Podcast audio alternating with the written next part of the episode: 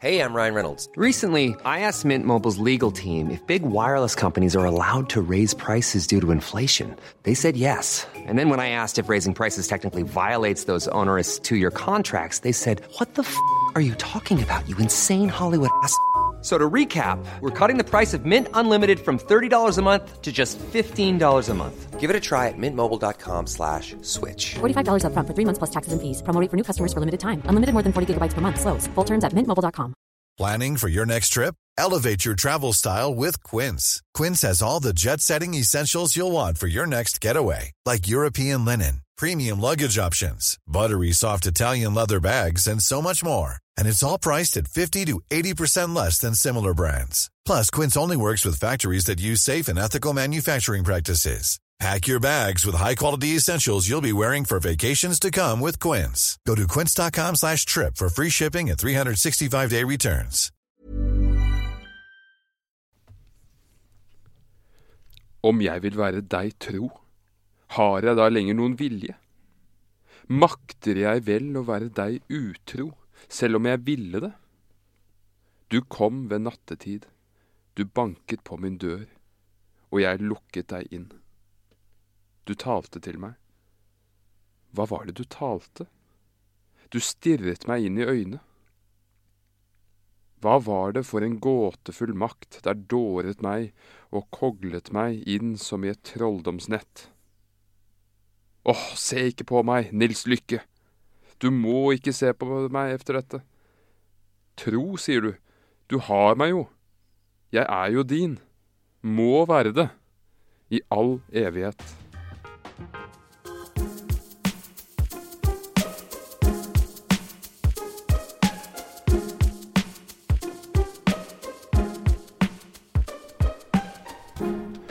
Velkommen til eh, Øde og Einar leser Ibsen.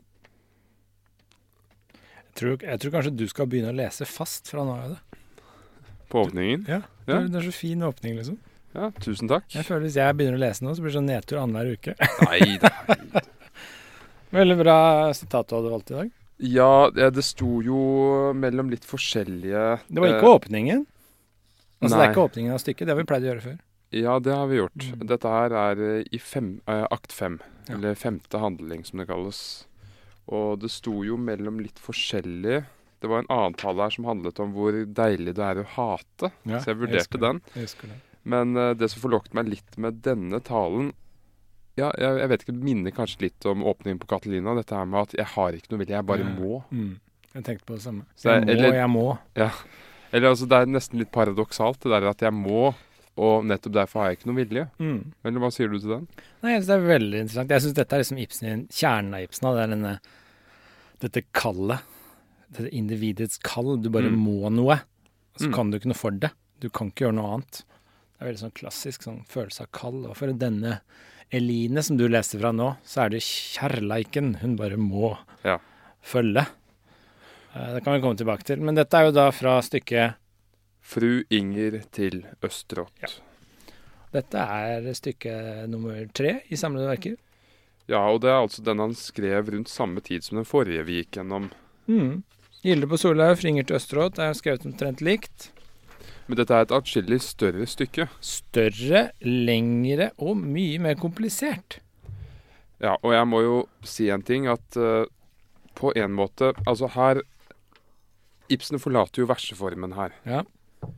Dette er skrevet mer naturalistisk. Mm. Det er eh, et periodedrama nok en gang. Mm. Det skal forestille 1500-tallet. Men han bruker litt mye sånn forvekslingsdramatikk her. Jeg, jeg opplever nesten det er veldig gammelt knep i teaterkunsten. Det er tilbake til Aristoteles i poetikken. Han snakker om det. Du må Ja. ha den forvekslingen, og så må du ha gjenkjennelsen. Men vet du hva, her syns jeg det ble for mye. Ja, jeg er litt enig. Det er bra liksom Alle misforsto hvem alle var. Alle trodde at den ene var noen andre. Jeg er litt enig. Og så er det en del karakterer som dukker opp som ikke står i rollelista også. Det er litt forvirrende. Og så er det en del Veldig mye forviklinger, som du sa, men det er også ganske sånn komplisert plott. Altså, når jeg leste den, så var det sånn Jeg leste gjennom en gang først, og så var det Jeg skjønte egentlig ikke ordentlig plottet, så jeg måtte lese en gang til. Ja. Det er ganske komplisert. Det er så mye forviklinger. Ja, det er veldig. Eh, Akkurat som han har skrevet halve, og så er han sånn Nå veit jeg ikke helt hvor jeg skal skrive resten. Og så bare Ja, sånn kan det gå. Og så finner jeg på en ny vending. men ja. Nei, Men det er altså, ganske men altså bakteppet her Bakteppet er interessant. For dette her er eh, ved Trondheimsfjorden år 1528. Mm. Og temaet er jo denne maktkampen mellom danskene, svenskene og nordmennene. Mm. Og det var jo rundt denne tiden at danskene klarte å mer eller mindre utrydde den norske adelen. Mm. Det er temaet her. Ja, jeg leste litt om dette i biografien om Ibsen, faktisk. Fordi dette, og det forrige for øvrig, og neste, ble skrevet omkring en veldig sånn dramatisk sånn nasjonsbyggingsperiode, ikke sant? Eh, hvor Norge drev og begynte å flørte med å tenke seg sjøl. Eh, og så Ibsen var en slags skandinaver. Så han var ikke utelukkende sånn fans av at Norge skulle bli en selvstendig nasjon. Og Ibsen var også litt sånn anarkistisk anlagt. Eh, så han Mm. ville ikke liksom ha noe kongemakt, egentlig. Eh, Samtidig som Ibsen var veldig sur og skuffa over at nordmenn ikke støtta danskene om eh, slaget om Schleswig-Holstein, er det ikke det det heter? Schleswig-Holsten. Det er et område i nåværende Tyskland som danskene eide, og som eh, Ja, nettopp. Og dette, Eller var det svenskene? Dette- det var danskene. Eh, dette er jo 1860-tallet, er det ikke? 1850-60-tallet, det slaget. Og da, Og da lå tapt. Norge med, i union med Sverige. Dam, dam Sverige. Ja. Stemmer.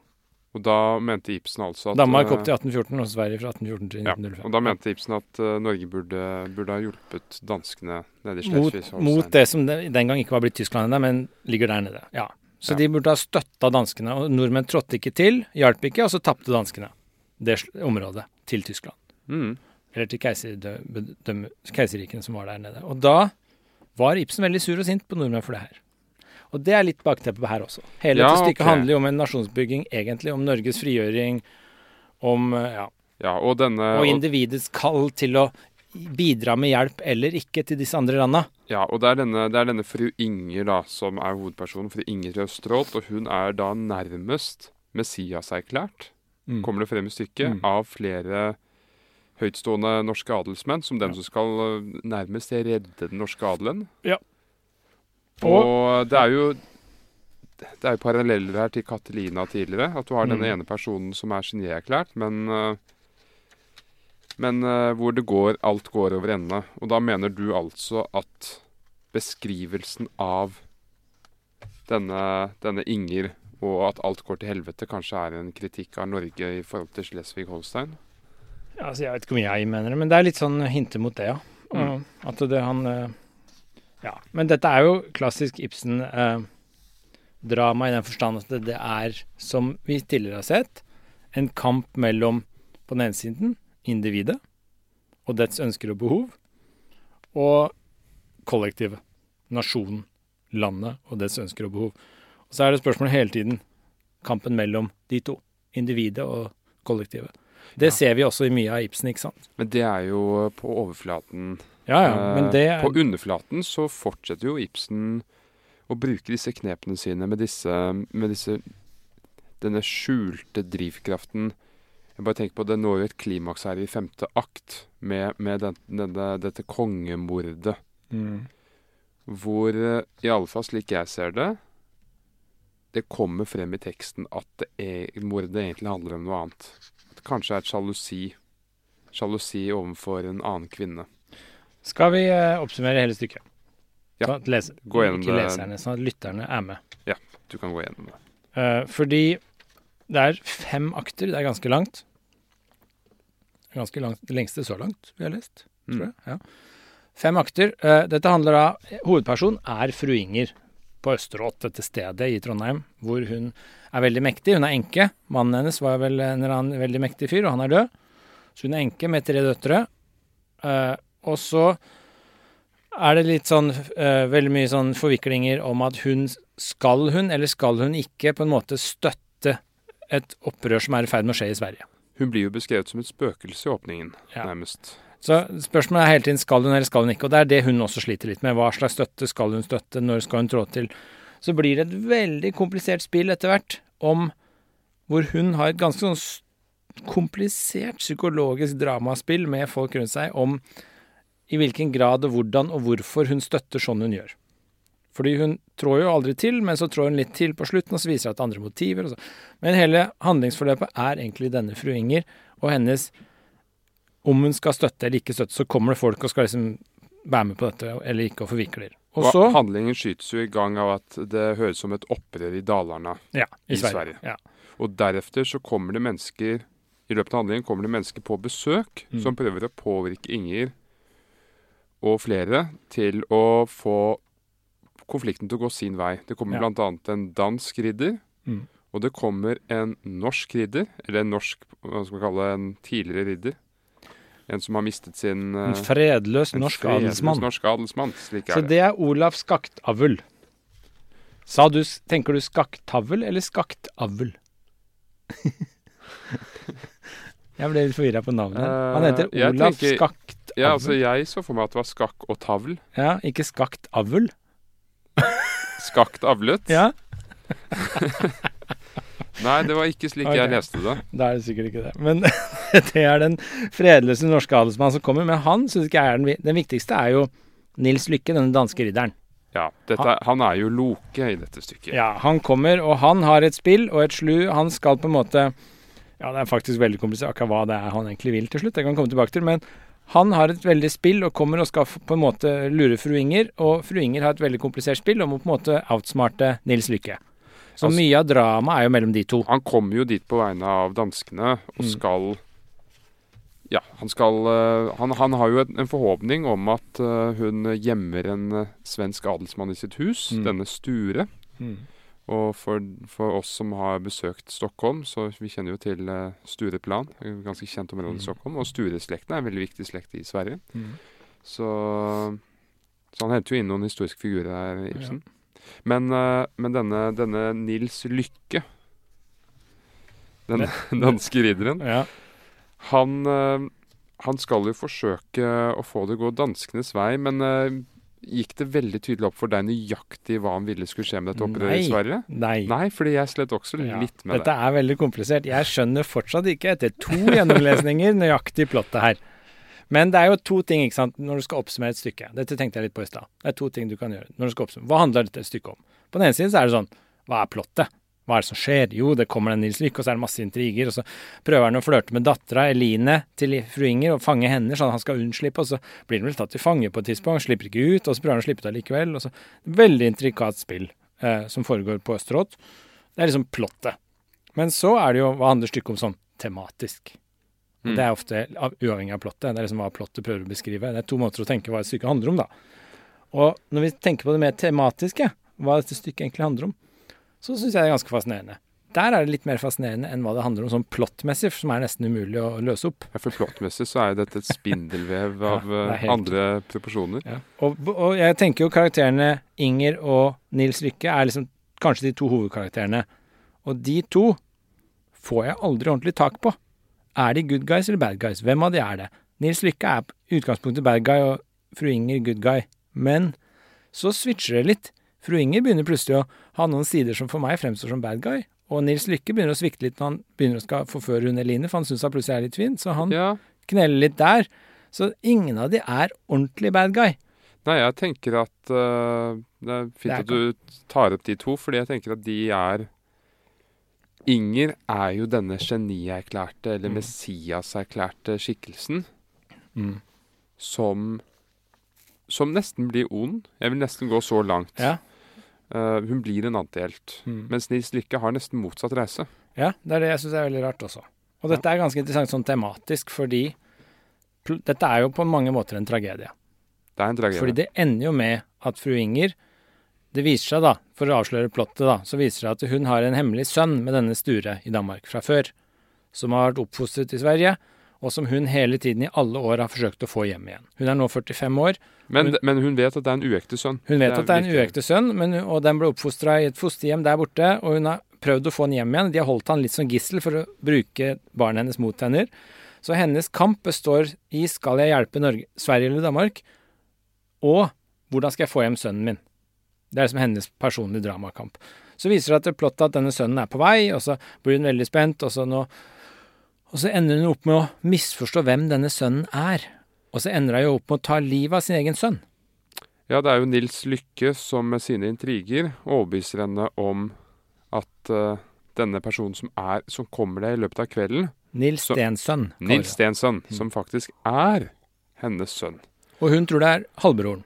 Hun tror det er halvbroren fordi han er denne arvingen, denne grev Sture, som har gjort opprør i Sverige. Og hun har ingen eh, Holdt jeg på å si Ja, det, det er jo ikke Jeg mener jo at hun kanskje burde hatt noen anelser om at det var hennes sønn, Ja. da. Men, eh, men for henne så må det Det må være halvbroren. Det må være den ektefødte sønnen, er slik hun ser det. Um, og det er jo slik det blir presentert for henne av Nils Lykke. Og da legger de en avtale sammen, eh, eller lager en avtale sammen, Inger og denne Nils Lykke, om at eh, denne Sture skal gå tilbake til Sverige, og så skal sønnen hennes hentes. Men det hun ikke vet, er at han er hennes sønn. Ja. Og at Nils Lykke har planlagt et bakholdsangrep. Men så kommer han tilbake, og så er det jo hun selv som ender opp med å få en tjener til å ta livet av sin egen sønn. Ja. Inni et skap eller et eller annet sånt. Ja, fordi hun misforstår, fordi eh, denne, denne Han vet at han er hennes sønn. Ja, Men han har lovet Nils Lykke å ikke si noe, det er hemmeligheten også. Det er et eller annet med en ridderpakt. Du vet, det er, det er sånne ting de drev på med før, som vi ikke har lenger. ja, ord og, og Ja, at, at man holder ordet og sånn. Ja, at man mente det man sa. Eller holdt sine ord, holdt Ja, sine løfter. dette, er, dette er veldig forvirrende for oss å lese, ikke sant. Man var Eh, villig til å ofre seg for å holde Men så sier han at han skal, han er, han skal gjøre det ytterste. Ja. Han, han, han ordlegger seg på en slik måte at uh, hans mor feilaktig tror at uh, denne mannen planlegger å drepe hennes sønn. Ja. Og dermed beslutter Inger seg for å drepe ham i stedet, og da ved en feiltagelse myrder sin sønn. Og slik slutter jo dette, denne tragedien. Og det, ja. Er det plottet? Har vi fått med det meste? Jeg tror nesten vi bør gå litt mer nøyaktig Jo, men bare sånn at vi vet hva det handler om for lytterne, tenker jeg. Jeg er litt sånn, tenker på andre jeg, vet du. Tenker på lytterne og Ja. ja, du er så selvoppofrende. Jeg er så ridderaktig. Nei, men altså Vi er begge enige om at det er, det er veldig mye forviklinger inni her. Og nettopp pga. alle disse forviklingene er det litt vanskelig å få grep om plottet. Litt vanskelig å få grep om plottet, og litt vanskelig å få grep om karakterene. Ja. På en måte så kan man tenke at karakterene er veldig realistiske, for de er ikke enten onde eller gode. De har litt begge sider. Sånn sett er det ganske realistisk at eh, det er sånn folk er. Litt gode, litt slemme. Mm. Men på den annen side er det litt vanskelig å bli kjent med karakterene. Jeg fikk mer tak på Catelina liksom, enn jeg får på fru Inger. Ja, altså Han har, da, han har pakket inn så veldig mye her. Eh, alle skal misforstå Det er med en som heter Einar, da. Det likte jeg. Einar Huk. Gårdsfogden. Ja, han ja, stemmer det. Det er jo han- som kommer inn og sier at eh, de, skal, eh, de vil i krig. Ja, han er ikke en sånn kjempesentral figur. Jeg syns ikke han fremstår som den største helten akkurat. Men jeg ble litt skuffa over det. Men annet enn det, så er han i hvert fall med, da. Og så er det jo eh, i åpningen her, i første handling, så er det et sitat som kan minne om det vi skal lese senere i Per Gynt, dette med denne løken. Hvor denne Finn pusser Mm. pusser en sånn rustning. Og så sier han at ja, så kan du gjerne finne deg i å henge blank og pusse i riddersalen, for nu er du ikke annet enn et tomt nøtteskall. Kjernen det har ormene et for, ma et for mange vintre siden. Og neste setning er jeg strekt under. Hør du, Bjørn, kunne en ikke si at Norges land også er slik en tom nøtteskall, likevis som hjelmen her, blank utenpå, ormstukket inni. Ja. Der syns jeg Jeg strekker ikke under den, for jeg syns at der gjorde Ibsen det litt for opplagt for publikum. Det er et par steder han gjør det. Ja, han, ja, Ja, han, blir, han går for den der tell, don't show. ja. Han burde ha gått for show, don't tell. Og Det er også dette senere i, i siste handling hvor hun Inge begynner å reflektere over uttrykket kongemoder, Ja. som jeg tror Nils Lykke um, kom med. Og så sier hun det minner litt om kongemorder.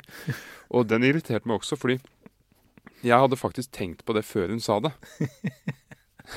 Så det irriterte at han Ja, liksom for måtte, tenkte- måtte forklare det til deg. Jeg tenkte ja. det er det som kommer til å skje. Ja. Eh, Hun er jo kongemoder, kongemoder, og så kom liksom Ja. Ibsen. Altså, det, jeg opplevde at Ibsen undervurderte meg. Ja, ja.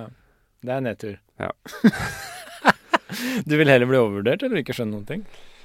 Nei, altså, jeg er som alle andre. Jeg vil bli vurdert akkurat som det er tilfellet. Men det jeg tenkte på her, er det er et par som du nevnte tidligere, veldig kjente sånn dramatrekk. Det ene er karakterskiftet. ikke sant. Hva som skjer. Det skjer noe med hver karakter. Inger, hun går fra liksom å, som du sa, være litt sånn Ha, ha, et ha en litt sånn et kall og et, et mål, til å bli ganske sånn Hun griper litt etter kongetrona etter hvert. Hun vil bli kongemoder. Hun vil at hennes sønn, som hun ender opp med å drepe, da, et feil, skal få krona, tronen i Sverige. Ikke halvbroren. Ja. Mm. Så hun ender opp med å switche litt og får liksom maktsjuke etter hvert. Ja. Så makten, maktsyken tar henne etter hvert i stykket. Det var ikke der til å begynne med. Nei, men Da altså, hun bare være alene Hun er jo nærmest et spøkelse i begynnelsen. Det som beskrives her, er at hun en gang denne, denne Du mener det er skakkeavlet? Uh, han skakt... Olav Skaktavl sier jo det at du var så flott, og du, du hadde Gud i dine ord og alt sånt, og du skulle lede oss, men hva har skjedd med deg? Du er blitt en skygge av deg selv, og du Mm. leder ingen i dag. Og det er, det er på en måte utgangspunktet her. Og så skjer alle disse tingene. Nils Lykke kommer. Hun hører at hennes sønn kanskje er i nærheten, og da blomstrer disse gamle følelsene opp. Og hun holder en tale i begynnelsen av fjerde akt, unnskyld, femte akt, hvor hun eh, ja, forteller om hvor fantastisk smart hun er. Ja. Og det var meget ubehagelig å lese, for da skjønte jeg at dette kommer til å gå skikkelig ille. For Ibsen er jo så flink til å, til å få karakter til å legge ut disse snublestenene for seg selv Ja. Hvor hun sier Den kløktigste i landet kaller de meg. Huh, jeg tror jeg er det også. Den kløktigste. Det er ingen som vet hvorfor jeg er den kløktigste. I mer enn 20 år har jeg stritt for mitt barns frelse. Det er nøkkelen til gåten. Det gir vidd i pannen, det. Ja. Jeg strekte med den siste jeg òg. Men altså, du bare tenkte at det Hva var gærent, tenkte du her? Nei, altså, det, dette gjør jo Ibsen i så mange stykker at det blir det samme som Katelina som snakker om Ikaros, at jeg skal fly som Ikaros opp. At uh, hver gang disse karakterene har sånne hybridiske Hybridiske, Jeg vet ikke hva jeg skal kalle det. Hybridiske? Hybridiske, kanskje. eh, Hybridiske uttalelsene. Det vil si Hybride. uttalelse. hybride uttalelsene, er kanskje mest. Ja. Altså hvor de hvor de hauser opp seg selv og hva de skal oppnå og sånt. Så da vet du at eh, de straks skal snuble. Det jeg likte med det sitatet du akkurat leste nå, det er kanskje noe litt annen vinkling enn det du hadde. For det, her står det det er ingen som vet hvorfor jeg er den kløktigste. Og så sier hun i mer enn 20 år har jeg stritt for mitt barns frelse, for hun har jo egentlig bare ville ha tilbake sin første sønn, Mm. som er et kjærlighetsbarn, ikke et proforma ekteskapsbarn. Det var ren kjærlighet med Hans Sture, ikke sant? Så hun vil bare ha tilbake han, så sier hun i mer enn 20 år har jeg stritt for mitt barns frelse. Det er nøkkelen til gåten. Det gir vidd i pannen. Poenget her er jo at når du strir for ditt, din største kjærlighet, dette barnet, så blir du smart.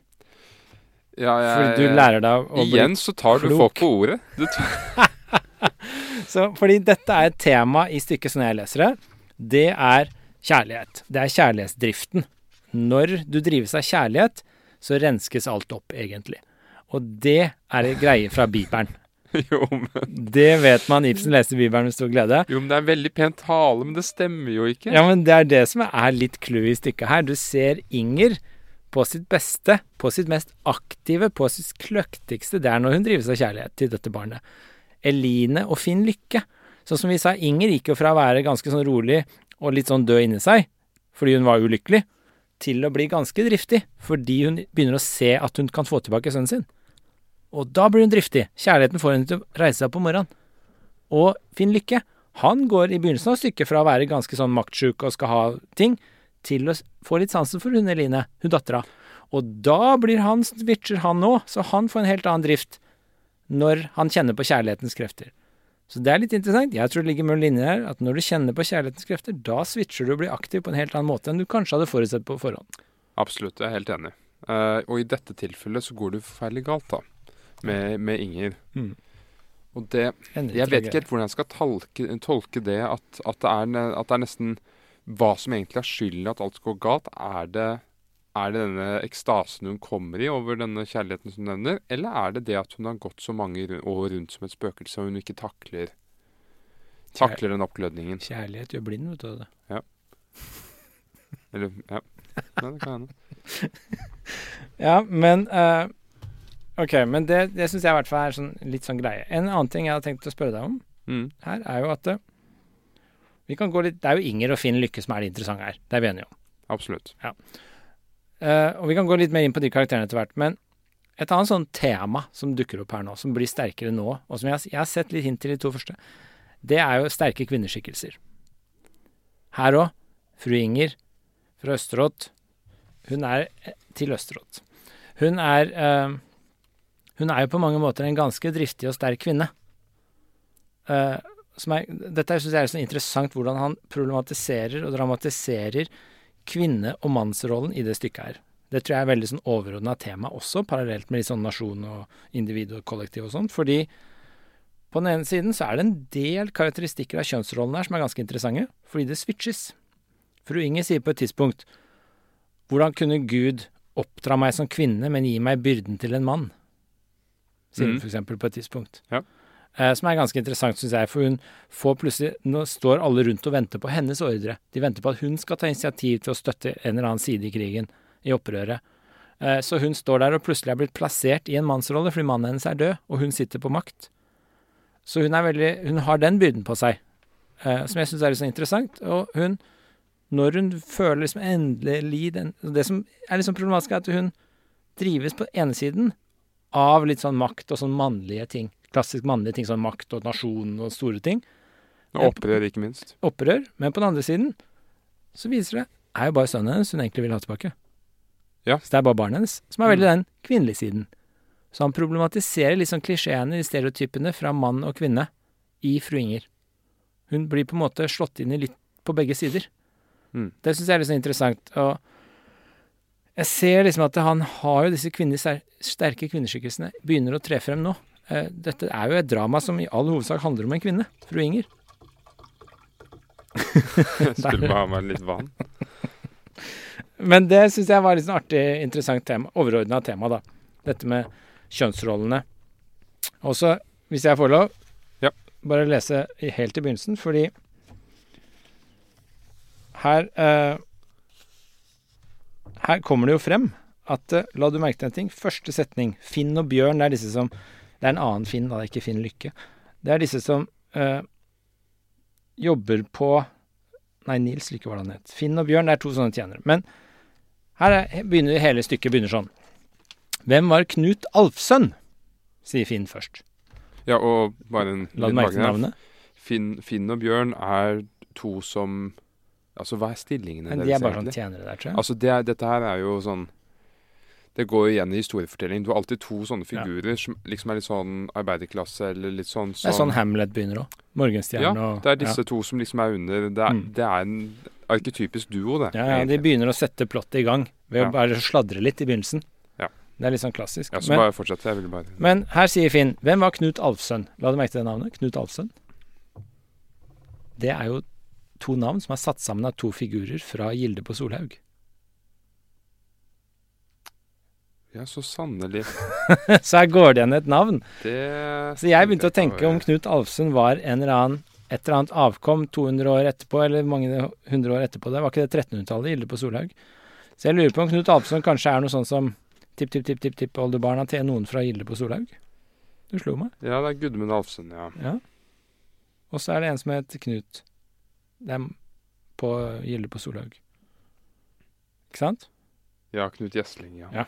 Så, men uansett, da, det var ikke det jeg skulle si. Det var bare sånn fun fact. Men så, si, så sier Finn Hvem var Knut Avsund? Og så sier Bjørn Herskapet sier han var Norges siste riddersmann. Og danskene felte ham jo i Oslofjord. Spør en fem års gutt i fall du ikke vet det. Så Knut Alfsund var altså vår siste riddersmann, og nå er han død og borte.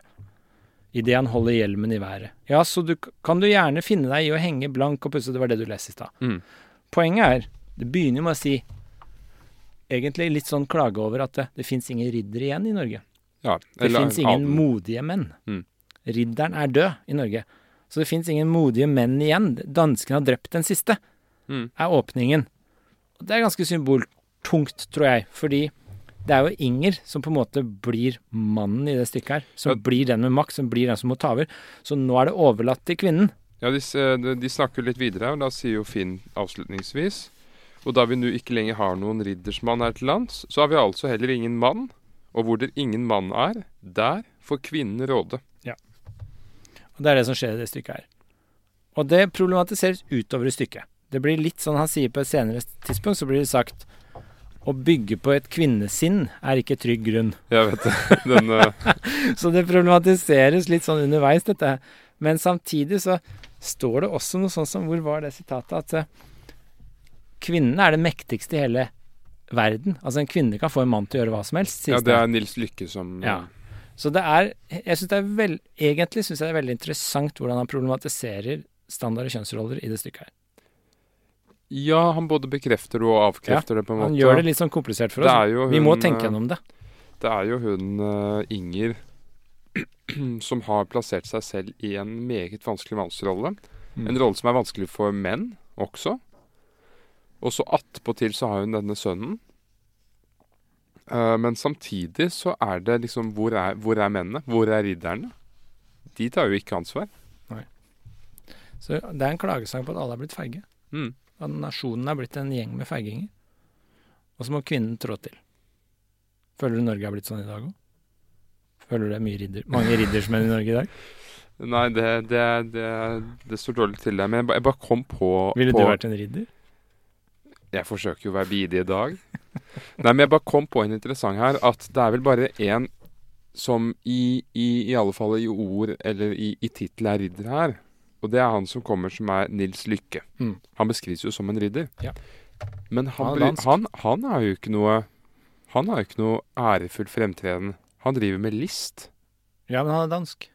Jo, jo, jo. Men altså til og med han er ikke ridder lenger. Nei. Bare i tittel. Ja. Mm. Så som du sier, så er jo dette en kritikk av den gamle, modige og ærlige ridderen. Ja. Eller at han ikke fins lenger. Og så sier i begynnelsen her, så sier mellom Finn og Bjørn, da, denne morsomme samtalen, så sier jo Finn også Nei, Bjørn sier 'ei, snakk, vi har jo fred i landet, vet jeg', sier han Bjørn.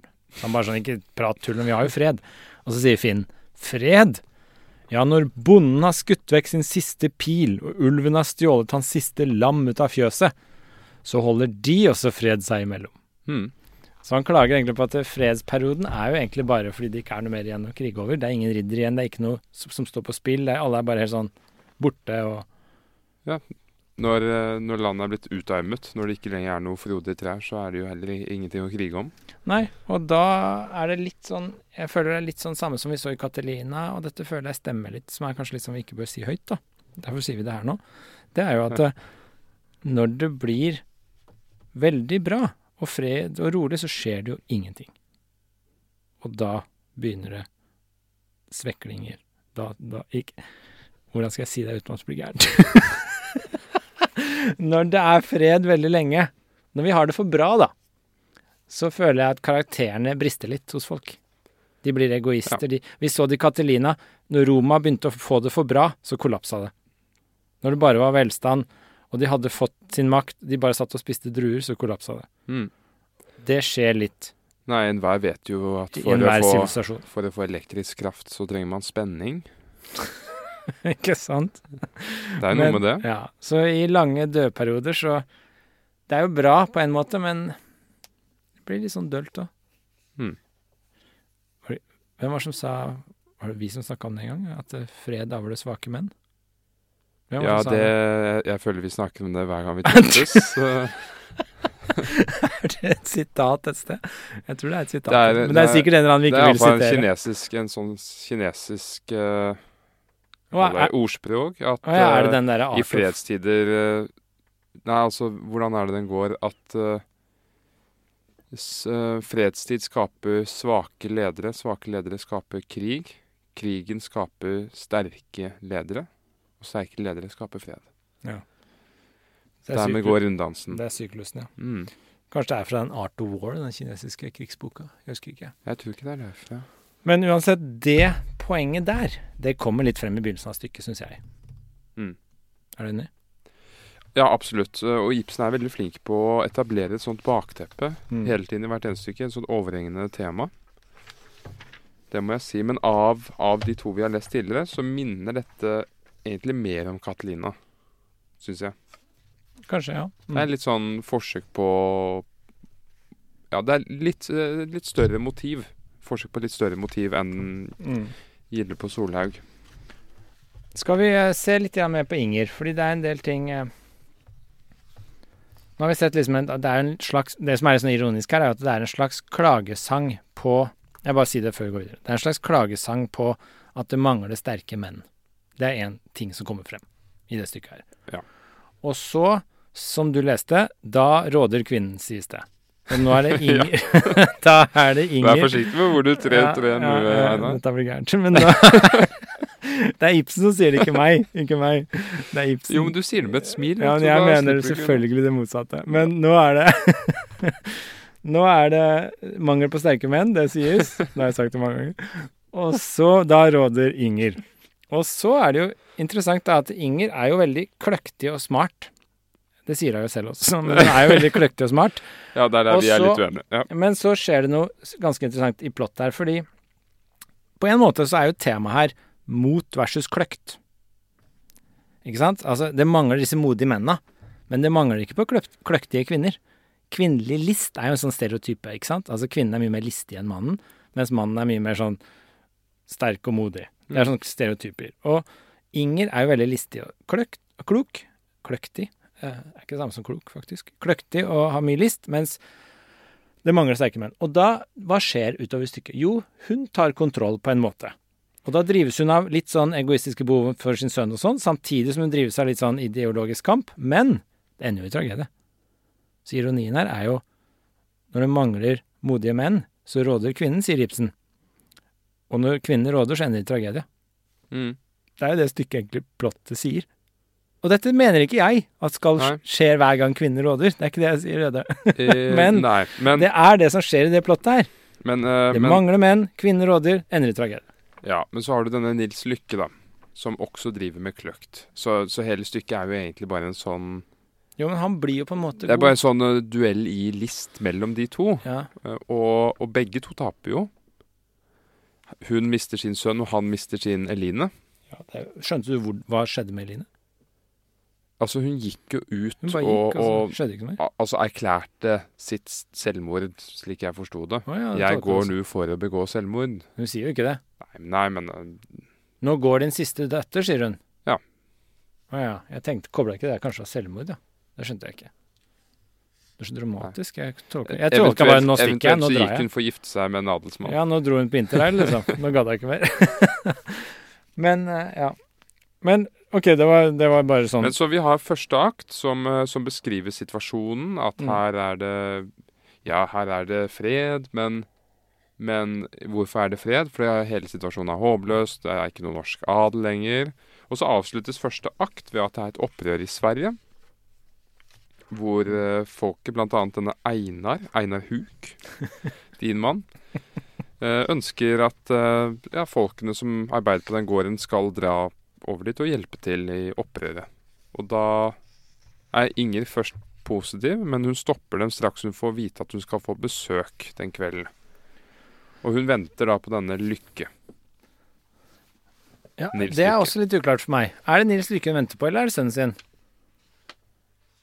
Uh, det er nok Nils Lykke, for hun forteller Eline at det er en dansk Ja, for hun får noen brev, og så står det aldri hva som er i brevet. Hun blir bare sånn stressa når hun leser dem, så jeg skjønner aldri hva som står i disse brevene hun får og sånn. Så jeg ble litt forvirra på hva det er hun egentlig venter på. Men det er jo først når hun innser at hun kan få tilbake sønnen sin, at hun virkelig trår til og blir handlekraftig. Ja, øh, hun, hun fremstår jo som enigmatisk øh, i begynnelsen. Ja. Hun spiller liksom dette spillet hvor hun Hun vil ikke avsløre noe om seg selv, he, heller ikke til publikum. Og så er jo det dette morsomme øyeblikket fordi i annen akt så blir vi kjent med denne Olaf Skaktavl, Skaktavl. Skaktavl som har eh, dukket opp. Og i førstningen så trodde jeg aha, det er denne han, hun har ventet på. Ja. Men det er det da altså ikke. Han får vite at hun venter noen andre, og da kommer denne Nils Lykke, som er fra Danmark, den danske adelsmannen. Og det er jo her forviklingene begynner å skje, men før forviklingene begynner å skje, så treffer denne skakktavlen og denne Nils Lykke hverandre.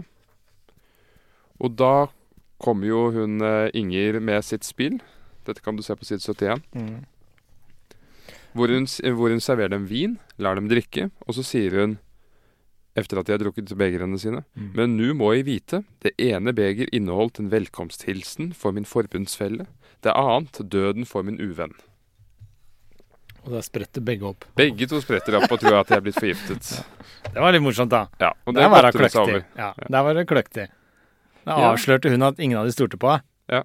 Så det var litt morsomt, da. Men det som var også litt forvirrende, er at Olav Skaktavl, han kommer for å møte Nils Stensønn. Ja, Men så er møter han Nils Lykke. Det er nettopp her forviklingene begynner, fordi hun skal treffe denne Nils Stensønn. Det er jo sønnen hennes. Eller Ja, men det vet han jo ikke. Nei. Men ja, denne Olav Skaktavl skal altså møte Nils Stensønn, som er kommet fra Sverige, som har vært med på å lede opprørene. Men så møter han heller Nils Lykke, og tror at det er han han skal møte. Og så gir han brevet som sier at sønnen hennes skal komme, til Nils Lykke. Så han får vite det, men ikke Inger. Ja, altså det som skjer Altså det er foreløpig ikke noe brev her, da. Fordi det er denne Olav Skaktavl sier til Nils Lykke ja, hvor er papirene jeg skulle få? Jeg har avtalt å få papirer. Og denne Nils Lykke begynner å forstå at det er noen forviklinger her. Så han sier ja, du skal få papirene. Men vent Jo, litt. men da er jeg ganske sikker på at han får et brev som er revet i stykker. Nils Lykke. Han får et brev hvor det blir avslørt, så han får vite det. Det er da han legger et nytt plott. Ja, det kan hende. Og så blir det forvirringer der. Men dette er veldig forvirrende. altså Dere får bare lese det sju ganger, alle sammen. For Ja. her er det mye som skjer. Men Men det, men det er iallfall slik at Nils Lykke skjønner at han venter en Ja. annen, Mm. og så kjøper han seg litt tid. Ja. Og det er altså siste del av andre akt. Uh, og, da- så, og så har vi også på slutten av andre akt at uh, Nils uh, Lykke blir klar over Eline. Han møter Eline, altså det er disse datteren til Inger. Ja. Og han virker umiddelbart veldig forelsket. Det er vel en, en riktig vurdering. ja, men han er også ganske kynisk. Han skal utnytte hun Elene litt. Jo, det, det kommer frem i neste akt, Ja. Hvor han begynner å Men nå har jeg et veldig morsomt spørsmål til deg, ja. Eline er jo denne unge jomfruen. Ibsen har jo alltid med seg disse unge jomfruene, disse vakre unge kvinnene som på en måte gutta faller hodestups for. Ja. Hvordan ser du for deg Eline? Du mener da vel aldri hårfarben? Hvilken farge har hun på håret i hodet ditt? Fru Inger er litt sånn gråspreng kanskje, men hva med Eline? Hva med Eline? Nei, Hvordan ville du malt henne? Altså, i dette, i dette tilfellet så, så er det litt, litt sånn kommune... kommune kommunegrått. Så du syns ikke Eline syns hun virka litt kjedelig? Hun er jo litt Altså- enfoldig. Nei. Altså, hun er svært enfoldig. Altså, hun har, hun har to sider, Mm. og hun beskriver de faktisk selv. Hun Mm. snakker om denne stoltheten sin. Ja. Hun sier et sted at uh, 'uten stolthet kan jeg ikke leve'. Ja. Og så på den annen side så Og hennes stolthet er Husker du det? Ja, Er ikke det å hevne sin Nei. søster, da? Hun sier 'uten stolthet kan jeg ikke leve'. Ja. Jeg likte det sitatet veldig godt. Det- og så sier hun videre 'og min stolthet er kjærligheten'. Å tjene Nils Lykke. Hun faller for kne, ned på knær for føttene hans, og så sier hun 'som en hund'. Er fullendt når den får lov til å tjene sin tjener, nei, sin eier, så skal hun tjene Nils Lykke. Hun faller kollaps for han. Så hun er jo på en måte denne erketypiske kvinnelige skikkelse som dyrker den rene kjærligheten og går all in for den, og underkaster seg på en måte den hun har kjærlighet for. Ja, hun går jo all in, som det heter. Ja. Og så, før dette skjer Hun gir seg vel hjem til han i fjerde eller femte akt. Før dette skjer, så er hun mistroisk til ham. Ja. Og han blir jo beskrevet som en fyr som er glad i damer, og Ja. som er veldig sjarmerende. Skikkelig Don Juan. Så Men det er jo også et, noe, to plott her som vi kanskje må ta før det glipper. Fordi det ene er jo at han Nils Lykke, viser det seg, har jo vært Altså fru Inger har tre døtre i sitt ekteskap med han som er død. mm, Og den ene dattera, Lucia, er død. Ja. Og det skyldes på en eller annen måte Nils Lykke, viser det seg. Så Ja. han hadde forført henne eller noe sånt, og så døde hun av et eller annet som følge av det. Og hun ligger begravet i en kiste i kjelleren. Ja. Så hun er død. Og den andre dattera, hun har blitt gifta bort i dønn ulykkelig ekteskap i byen et sted. mm, Så den siste dattera er, dattera er Eline, som er igjen. Og hun blir nå forelska i Finn Lykke, ikke sant. Så Inger har egentlig tre døtre, og hun mister alle tre i løpet av stykket. mm. Til ulykkelighet, eller eventuelt selvmord, som du sa, eller at den allerede er død. Og hun viser seg ganske slem og kald overfor disse døtrene. Syns jeg, i hvert fall. Hun sier liksom at det, de bryr meg ikke, fordi jeg er fra et ulykkelig formalekteskap som jeg ikke har noe for.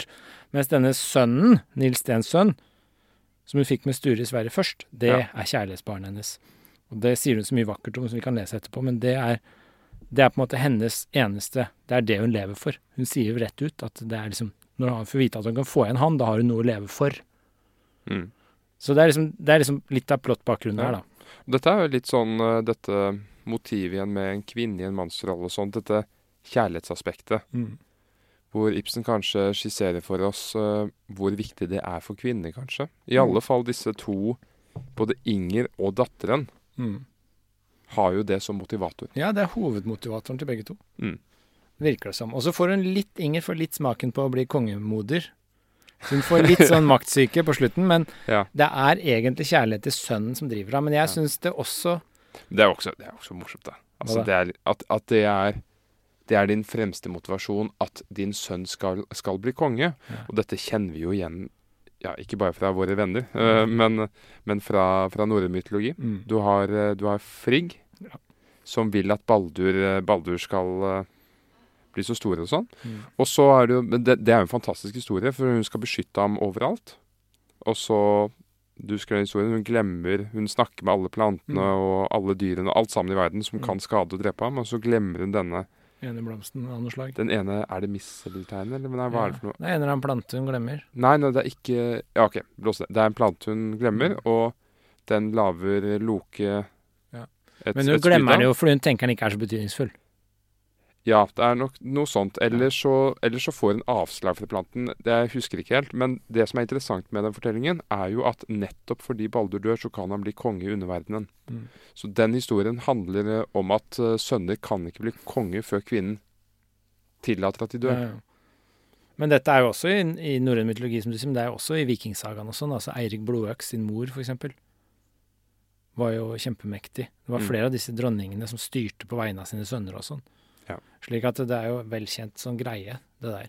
Mm. Eh, Sterke kvinneskikkelser er jo, er jo et tema når man leser norrøne historier. Fordi flere av dem eide ufattelig mye land. De hadde jo arverett til vikingtiden i Norge. mm.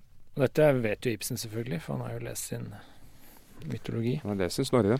Men eh, Ja, men det er liksom bakgrunnen for Ingers karaktergreie her, da. At eh, hun driver, og Eline. At de drives av en sånn grunnleggende motivator er kjærlighet. Og ikke bare kjærlighet til mennesker, men kjærlighet til konkrete enkeltindivider. Det er også lett å glemme her. Altså, Catelina kan kanskje tolkes og drives litt av kjærlighet til Roma. Ja, det er Men mer de- ideologisk. Ja, disse kvinneskikkelsene drives av kjærlighet til sin ene sønn. Ikke alle barna engang, hun Inger. Mm. Hun liker jo ikke døtrene sine. Nei, nei. Hun er villig til å kaste dem alle på bålet. Ja, for hun en gjør det òg. Ja. Mm. Så ja. I åpningen på tredje handling så har jeg lyst til å lese opp en tale som som holdes av eh, av eh, Eline. Eline. Uh, som jeg syns er veldig interessant. Det, det var faktisk et alternativ å åpne episoden med i dag. Mm. Hvor hun da beskriver denne Nils Lykke, som i forrige, slutten av forrige handling så henne, og uttrykte forelskelse. Så dette sier Eline. Guds hellige blod hvor hun er stolt og fager. Hadde han hvisket disse ord i den lønnligste krok, milevidt fra Østerått, jeg hadde hørt dem allikevel. Og hvor jeg hater ham, hvor jeg alltid har hatet ham, denne Nils Lykke. Ingen annen mann er som han, sies det. Med kvinner leker han og treder dem under sin fot. Og det er til ham min moder tenkte å by meg frem. Å, hvor jeg hater ham. De sier at Nils Lykke er annerledes enn andre menn. Det er ikke sant. Det er intet selsomt ved ham. Det finnes mange, mange som han. Når Bjørn fortalte meg eventyr, da så alle prinser ut som Nils Lykke. Når jeg satt ensom her i salen og drømte krøniker, og mine riddere kom og gikk, alle sammen så de ut som Nils Lykke. Hvor det er forunderlig, og hvor det er godt å hate. Aldri har jeg visst hvor søtt det var før i kveld. Nei, ikke for tusen års liv ville jeg selge de øyeblikket jeg har levet siden jeg så ham. Mm. Deilig å hate. Ja, hva skal jeg si om denne talen? Eh, vi, vi får jo snart dette sitatet du så vidt eh, hintet om tidligere. Dette med at det er uklokt å legge sin lit til eh, kvinnens uh, følelser. Dette her er en paradoksal tale. Ja. Hun hater ham, og hun elsker ham. Og Ja, men hun har vel ikke ordentlig begynt å elske ham ennå?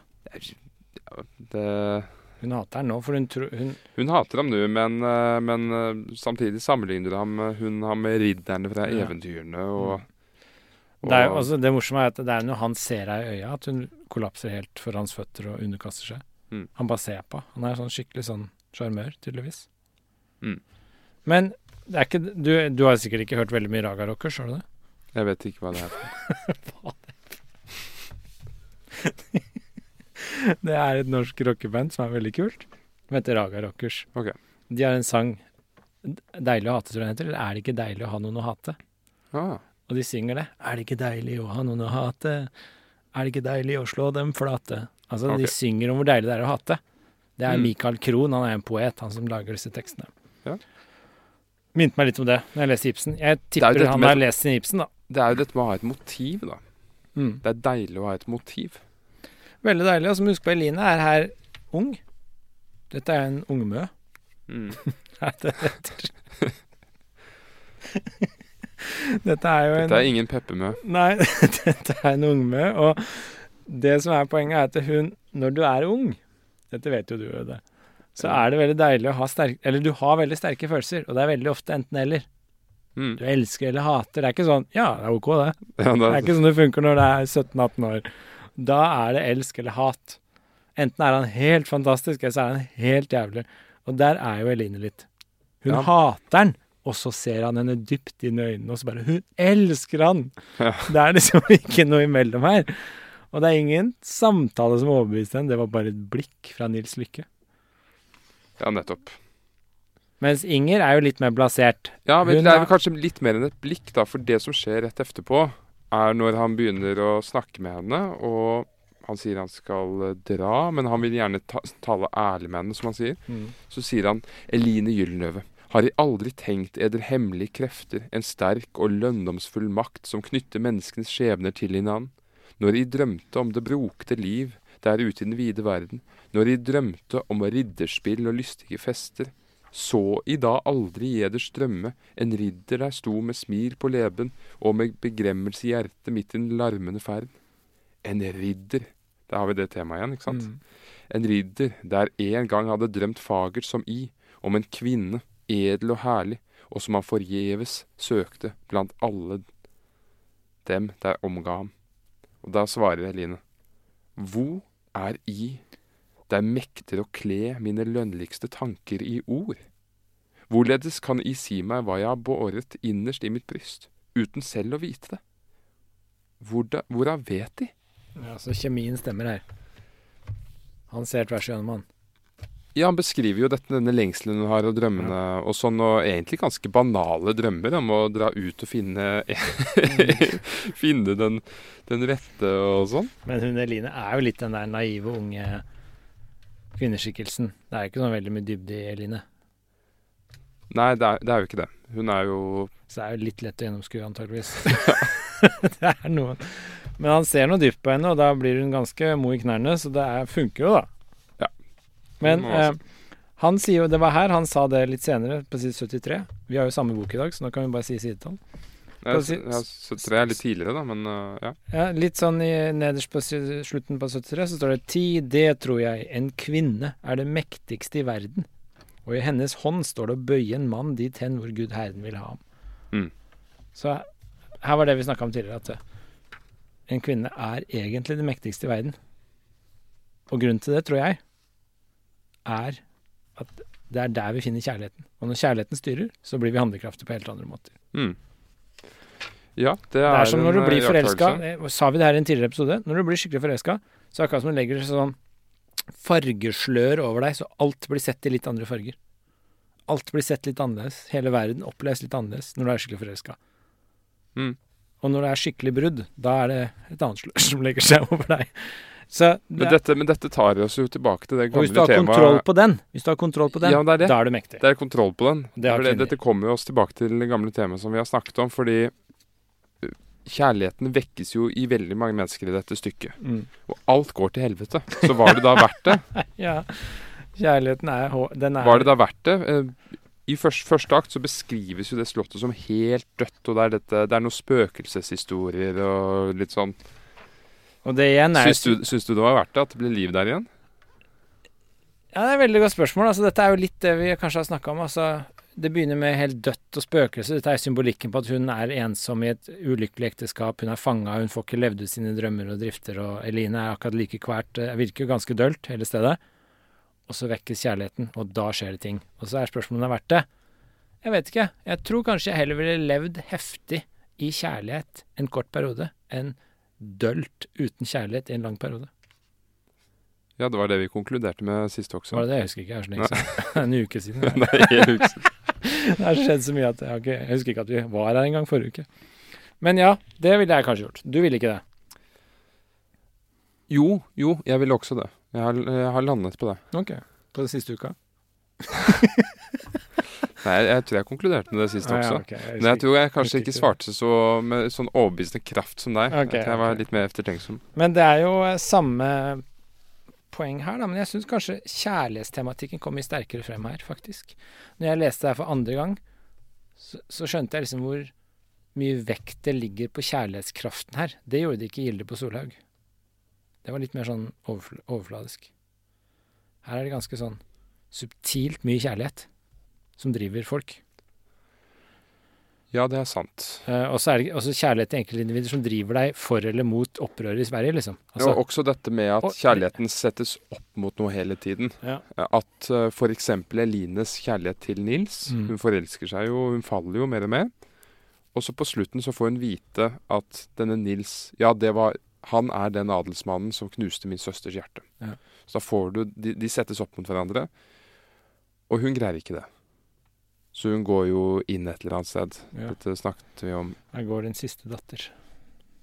Og slik er det jo. Ting settes opp mot hverandre. Mm. Og så må man ta et valg. Hva, det har du gjort den siste uka, eller? Hva da? Tatt et valg, og ting har vært satt opp mot hverandre. Og... Jeg føler jo at det skjer hver eneste dag, men uh, de store valgene, de eh, Jeg prøver jo å ta valg, da. Ja. Når du står overfor valg, og ta det. ja, så du prøver aktivt å gå inn for et valg? Det er veldig bra, altså. Ja, jeg, jeg gjør det. Ja. Uh, fordi det jeg har erfart, er at det blir ikke lettere. Nei. Det er veldig god ideologi, tror jeg. For jeg har en tendens til å bare la ting skje. Jeg tar ikke aktive valg. Du bare satt og så på meg. jeg, ble, jeg ble jo litt overrasket. Nei, jeg skulle ønske jeg var flinkere til å ta aktive valg. Det må jeg innrømme. Ja. Nei, jeg har, jeg har lurt på det selv. eh, Hvis folk ringer og sier 'vil du være med og ta en kaffe', og så har du ikke lyst, Ja. så sier jeg sånn 'ja, det passer fint'. Mens du er mye flinkere til å si Vel, det, det, du, du, det, dette var vanskelig å svare Ok, på. ja. Jeg er nok, jeg bruker nok litt list eh, Ja, ok. når det gjelder å avslå ja, de henvendelsene. ja. Eh, akkurat det der med hvis, hvis noen spør meg om å møtes og treffe kaffe, og det er litt unaturlig, eller vi har ikke nær nok relasjon, mm. eller det har dødd litt hen, vår relasjon, et eller annet sånt, så, så er det nesten litt sånn som jeg Min reaksjon er 'hvordan våger han?' Eller, eller 'hvordan våger hun?' ja, hva svarer du? Sier du det? Hvordan våger de? Ja, hvordan Hvordan våger de å forstyrre meg på, på denne dag? Nei, altså det vanligste er nok at jeg, jeg sier kanskje det, eller noe sånt. Eller jeg har ikke tid. Er ikke regelen at man sier at man ikke har tid tre ganger på rad, og så Jo, eller du sier bare 'tar ikke tid', og så svarer du ikke neste gang. Ja. Det er litt sånn. Vel, det er jeg ganske god på. Ikke ta telefonen. er det et aktivt valg, Nei, men altså, eller nei, men altså det er jo et dette, det dette, er, dette er veldig vanskelig, fordi du, du kan jo ikke si til folk hele tiden 'jeg har ikke lyst til å treffe deg'. Det er veldig hardt. Ja, det er veldig vanskelig. Det Det er er som å slå opp med noen, liksom. Det er ja, du kan ikke slå opp med folk hver bidige dag. Nei. Men uh, du, kan sende noen sånn forsiktige signaler, men av og til så må man jo Bare blokkere, blokkere, tydelig. blokkere noen. Nei, Nei, ikke blokkere. Skjønner. Ok. Men OK, tilbake til Inger. Fordi her er en ting som jeg fant veldig interessant med Inger. Dette er i Det er på side 82. Dette er i fjerde akt. Fjerde handling. Fordi litt tilbake til det igjen da, som vi snakka om tidligere, dette med Ibsen. ikke sant? Han har denne greia med at det har skjedd noe før som påvirker deg nå. Og i tilfelle Inger, så er det dette kjærlighetsbarnet med Sture. Mm. i Sverige, som skjedde før hun fikk gifta seg og kom til Østerått. Og det var den ungen som ble fostra opp i Sverige. Og Sture gifta seg senere med noen andre og fikk denne ekte ungen, som hun tror er på besøk nå. Og hun sier om den derre Om det kjærlighetsforholdet og det barnet, så sier hun i fjerde akt, så sier fru Inger Forkledd Og nå snakker hun om Sture, da, når han kom, når de lagde dette barnet. Sten Sture het han. Da så jeg første gang Sten Sture, fagrere mann hadde jeg aldri sett til forn. Jeg vet ikke hva det betyr.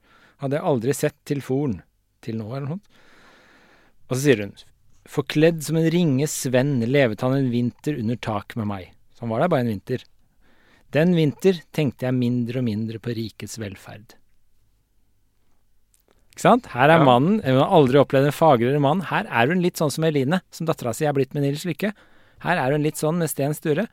Aldri hadde hun tenkt så lite på rikets velferd som når hun opplevde kjærligheten. Da var det bare det som betydde noe. Og det syns jeg er ganske interessant, for det tror jeg er helt riktig.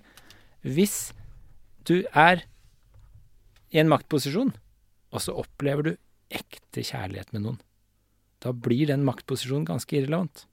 Den blir ikke så viktig lenger. Ja, det er klart. Det tror jeg. Og dette er kjærlighetens kraft, som jeg syns er litt fascinerende. Ja, kjærlighetens kraft er jo også fokusets kraft. Foku, fokusets kraft. At man i stedet for å tenke på mange ting, tenker kun på det ene.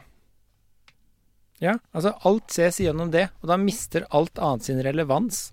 Og alt annet blir litt sånn sekundært i bakgrunnen, og så blir den ene personen eller det ene forholdet, det blir altoppslukende. Og det er jo litt sånn Det er litt kult, men det er jo også destruktivt og ødeleggende. Det gjør deg blind, det, gjør, det ender i tragedie ofte, som det gjør i det stykket her. Det går ikke alltid bra, men det er den kraften som driver oss, veldig ofte. Ja, men er ikke, er ikke problemet her mot slutten at denne hemmeligheten, det som var noe annet, det som fikk henne til å glemme ansvaret for sitt rike og sånt At hun prøver, hun prøver å forene det med ansvaret for riket sitt. Fordi idet hun begynner å spekulere i at sønnen hennes skal bli konge, Ja. så blander hun sammen dette kjærlighetsbarnet og dette embetsgreien som er noe annet. Ja, det er da hun blir forvirra. Da får hun litt sånn maktsyke, og ideologi kommer inn, og da blir hun Det er den karakterswitchinga. Så det er, et, det er nesten et moralsk budskap til oss her om å ikke blande Mm. Kjærligheten må ikke blandes Ja, ut med Mm. Hva skal man kalle dette makt, maktspill og dette urene Det er grumset. Mm. I'm Sandra, and I'm just the professional your small business was looking for. But you didn't hire me because you didn't use LinkedIn jobs. LinkedIn has professionals you can't find anywhere else, including those who aren't actively looking for a new job but might be open to the perfect role, like me. In a given month, over 70% of LinkedIn users don't visit other leading job sites. So if you're not looking on LinkedIn, you'll miss out on great candidates like Sandra. Start hiring professionals like a professional. Post your free job on linkedin.com/people today. Millions of people have lost weight with personalized plans from Noom, like Evan, who can't stand salads and still lost 50 pounds. Salads, generally, for most people, are the easy button, right? For me, that wasn't an option. I never really was a salad guy. That's just not who I am. But Noom worked for me. Get your personalized plan today at Noom.com. Real Noom user compensated to provide their story. In four weeks, the typical Noom user can expect to lose one to two pounds per week. Individual results may vary.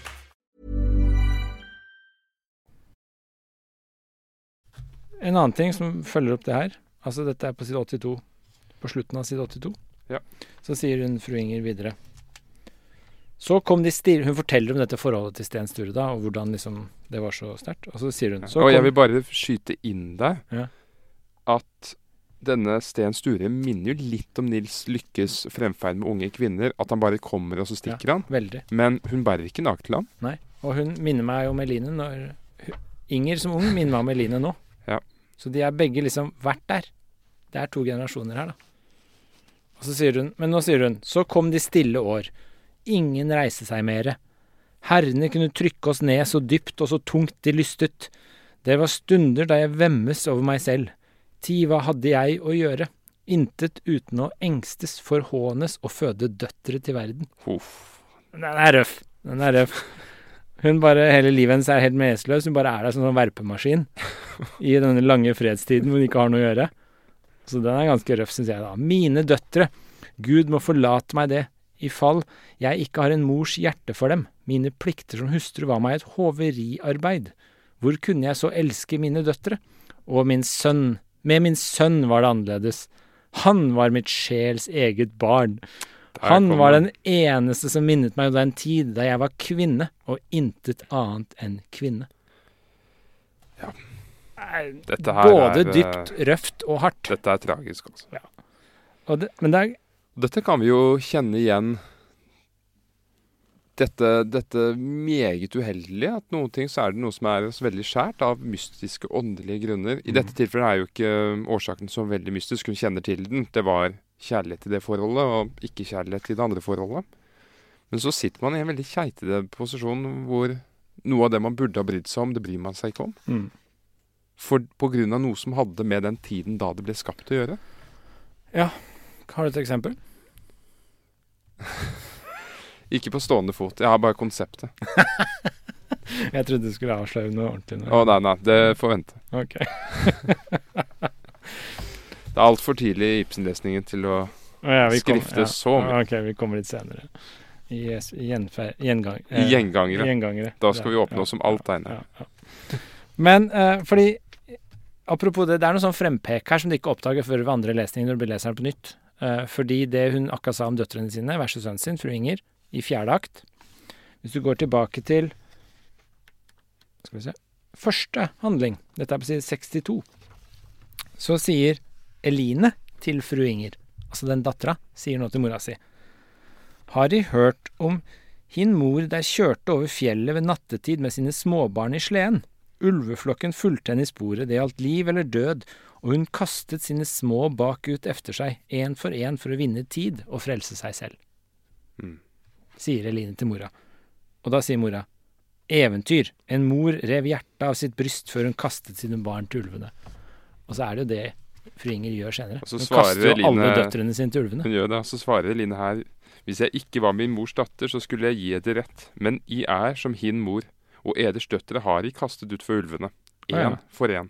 Og hun sier det rett Hun ut. sier det. Ah, Og så ramser hun opp disse Ja. søstrene sine. Som er blitt giftet bort i ulykkelig ekteskap, som døde Eh. i kjærlighetssorg. Jeg trodde det var et frempek, men du sier det rett ut etterpå. Ok, det var litt nedtur. Da var det litt sånn som du så svarer fru Inger Jeg kjenner mitt regnskap, og det skrekker meg ikke. Hun er ond. men dette var kanskje litt sånn som du klaget på til at Ibsen han viser oss det for tydelig.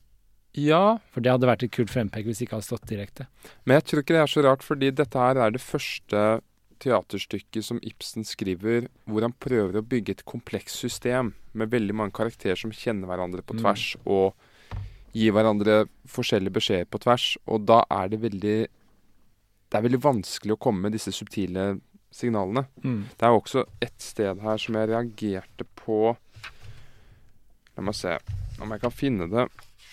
Det er noe som jeg alltid reagerer på med skuespill, nemlig når karakterene snakker til publikum. Ja. Av og til må man jo det, for at publikum skal få med seg handlingen, men det syns jeg er Det skjer i Romeo Der har vi det, ja. Dette er altså i Er det andre Det er annen handling. Hvor Nils Lykke da står alene og holder noen enetaller. Hvilken side er det på nå? Side 68. Nederst til venstre. Nils Lykke har jo nettopp eh, innordnet seg og fått lov til å bo i huset. Og han holder litt taler for seg selv. går, står en stund stille, går litt omkring, står det beskrevet. Og derpå sier han dempet. Så står jeg da omsider på Østerått. På dette gamle herresetet. Som et barn for to år siden fortalte meg så meget om. Lucia. Ja, for to år siden var hun ennå et barn. Og Lucia er den ene søstera som er død. Ja. Og nå Nå er hun død. Ja. Der sa du det. Og ja, der snakket han veldig til publikum. Ja. Mm. Og um, ja, men det er flere sånne steder jeg tenkte akkurat det samme, at det kommer litt sånn eksplisitt ut hva det er de prøver å si. Ja. Det er, det er en svakhet. Det, Det er- tror jeg blir bedre etter hvert med um, Men det du sa i stad om at uh, Inger sier at hun, uh, hun, hun sa 'jeg kjenner mitt regnskap', og det skrekker meg ikke. Ja. Ikke sant? Litt etter, på side 69, så sier hun til, Tillat, herr riksråd, for min ferd står jeg ingen til regnskap uten Gud og meg selv. Mm. Det er også en sånn interessant greie at hun har sin forsett, og hun behøver ikke å stå til ansvar for noen annen enn seg selv og Gud. Og hvis du leser det litt sånn sekulært, så er det liksom sin egen samvittighet. Ja. At du står bare til ansvar for din egen samvittighet til syvende og sist. Du skal ikke nødvendigvis stå til ansvar for andre, for de kan mene noe helt annet som er feil. ikke sant? Så du må Ja. til syvende og sist Dette er en veldig sånn eksistensialistisk etikk, da. Hvor det er at det som er rett å gjøre, det er det du kan stå helt og fullt inne for. Selv etter at du har tenkt gjennom saken. Hvis du fortsatt kan stå for det, og er villig til å stå for det, og vil stå for det, så er det riktig av deg å Ja. gjøre det. Og det kommer litt frem i Ibsen her. Men enhver samvittighet trenger, trenger et motiv, eller det trenger noe håndfast utenfor seg selv. Tenker jeg. Ja. Og der kommer denne sønnen din, som man får Mm. vite om senere. Så man får jo vite hvor det eksterne motivet er Mm. senere, som driver henne. Ja, du trenger motiv, men du må jo stå til ansvar for at du forfølger det motivet, f.eks. Og der sier hun det, det er, bare, det er egentlig bare sin egen samvittighet hun står til ansvar for, da. Til syvende og sist. Hun vil ikke stå til ansvar for Eline eller Lykke eller noen av Det disse. er ikke det egentlig prisen enhver må betale for å være en lederskikkelse? Jo, litt. Altså Det er det som går igjen i alle disse mafiafilmene sant? Hvis du ser sånn Sopranos og Gudfaren og sånn, Gudfaren spesielt, da, så er det nettopp det at det, lederen, selve gudfaren, sitter jo der og må ta avgjørelser som gudfaren selv må takle. Fordi ingen andre får det ansvaret. Det er han som sitter med ansvaret til syvende og sist. Det er det som plager gudfaren i disse Gudfaren-filmene, f.eks. Mm. Han Han må leve med det. Han må leve med det. Og han har egentlig ingen andre å dele det med, for han kan ikke vise svakhet som lederskikkelse. Så det er veldig, som du sier. Det er tøft å være på toppen. Ja. Hvis du er undersått, så kan du bare skylde på de andre. Litt sånn som han der i Katarina du likte, han som bare sa nei, nei, dette, vi bare dreper han, vi får betalt, det får han som betaler stå til ansvar for. Ja. Og da må han som betaler stå og leve med det. ja. Jeg likte det litt. Fru Inger er litt mer som mafialederen, ikke sant? Hun må leve med sin egen samvittighet og Ja. valga hun tar. Ja, og hun har jo levd med dem i mange år. Gått rundt som et spøkelse og litt av hvert. Ja. Og her fant Um, jeg et sitat jeg nevnte helt i begynnelsen. Dette er på side 63. Har Gud Herren rett til dette? Danne meg til kvinne, og så lesse en manns dåd på mine skuldre. Mm. Det er litt interessant sånn i våre dager også. Dette med altså, Kjønnsroller er jo så hot tema i våre dager. Ja. Og det er litt interessant dette med å Du blir oppdratt til en viss rolle, men så forventes det noe annet av deg fra en annen rolle, fra annet hold. Det er veldig forvirrende, egentlig. Mm. Det er det hun klager seg litt over her. Ja, og så er det dette med Gud, da. Fordi det er jo ikke bare Det er ikke bare dette med egen samvittighet, men eh, Gud opptrer også her som et uttrykk for skjebnen, Ja. nesten. At det er, det er blitt mitt lodd. Mm. Og hun har levd i den rollen så lenge at hun, hun må bare leve det ut. Mm. Det er det hun lever for, sier hun. Det er også sånn veldig. Det er veldig mye Ja, sønnen er jo der hvor kanskje den frie viljen kommer litt mer inn mot slutten. At hun begynner å ta litt handling selv. Mens før det så er det hennes lodd å være den som gjenreiser den norske storhetstiden og, Ja. og så videre. Og dette er veldig mye brukt tema i teateret generelt. Dette med fortuna, eller Mm. skjebnen. Mm. Det, jeg tror skjebne var et mye sterkere motiv før generelt for folk. Det er ikke et så sterkt motiv for moderne mennesker lenger. Det er litt synd. Jeg liker skjebnen, jeg. Liksom, dette er min skjebne. Jeg bare Ja. må, jeg må. Her står jeg, jeg kan ikke annet. Jeg Mm. må, jeg må. En dyp røst i min sjel. jeg liker det litt. Jeg liker Ja, Jeg digger folk som er et kall. Altså, Det jeg har lagt merke til, er at på en måte så har samfunnet da blitt enda mer puritansk, enda mer lutheransk enn det var tidligere. Fordi folk er helt besatte av årsaken og skyld. Mm. At hvis det går galt med et menneskeliv, så det var noens skyld. Mm. Det var moren som oppdro s- dette menneskets skyld, eller det var systemet sin skyld, eller noe Mm. sånt. Ingen snakker om skjebnen. Nei. Og ingen tar ansvar. Nei, det, det, man tar jo heller ikke ansvar når man skylder på skjebnen, da. Men, man, man, men man skylder iallfall ikke på noen men, dødelige mennesker når man snakker om skjebnen. Men også puritansk og, og litt sånn luthersk. Det er litt sånn selvpiskinga òg, tenker jeg. At det skal liksom Du skal, du skal ta på deg liksom Hvem er det som har skyld i dette? Jo, vi har skyld i dette. Det er litt den der selvpininga også. Du kommer deg ikke videre. Arvesynden sitter ganske dypt i mange ting, føler jeg også. Mm.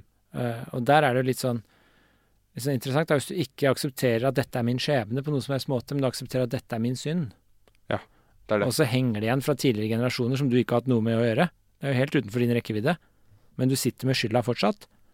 Versus skjebnen, som er noe som er forutbestemt, som du heller ikke har noe med å gjøre, men du må bare følge. Egentlig Ja. ikke noe sånn metafysisk vesensforskjell på de to.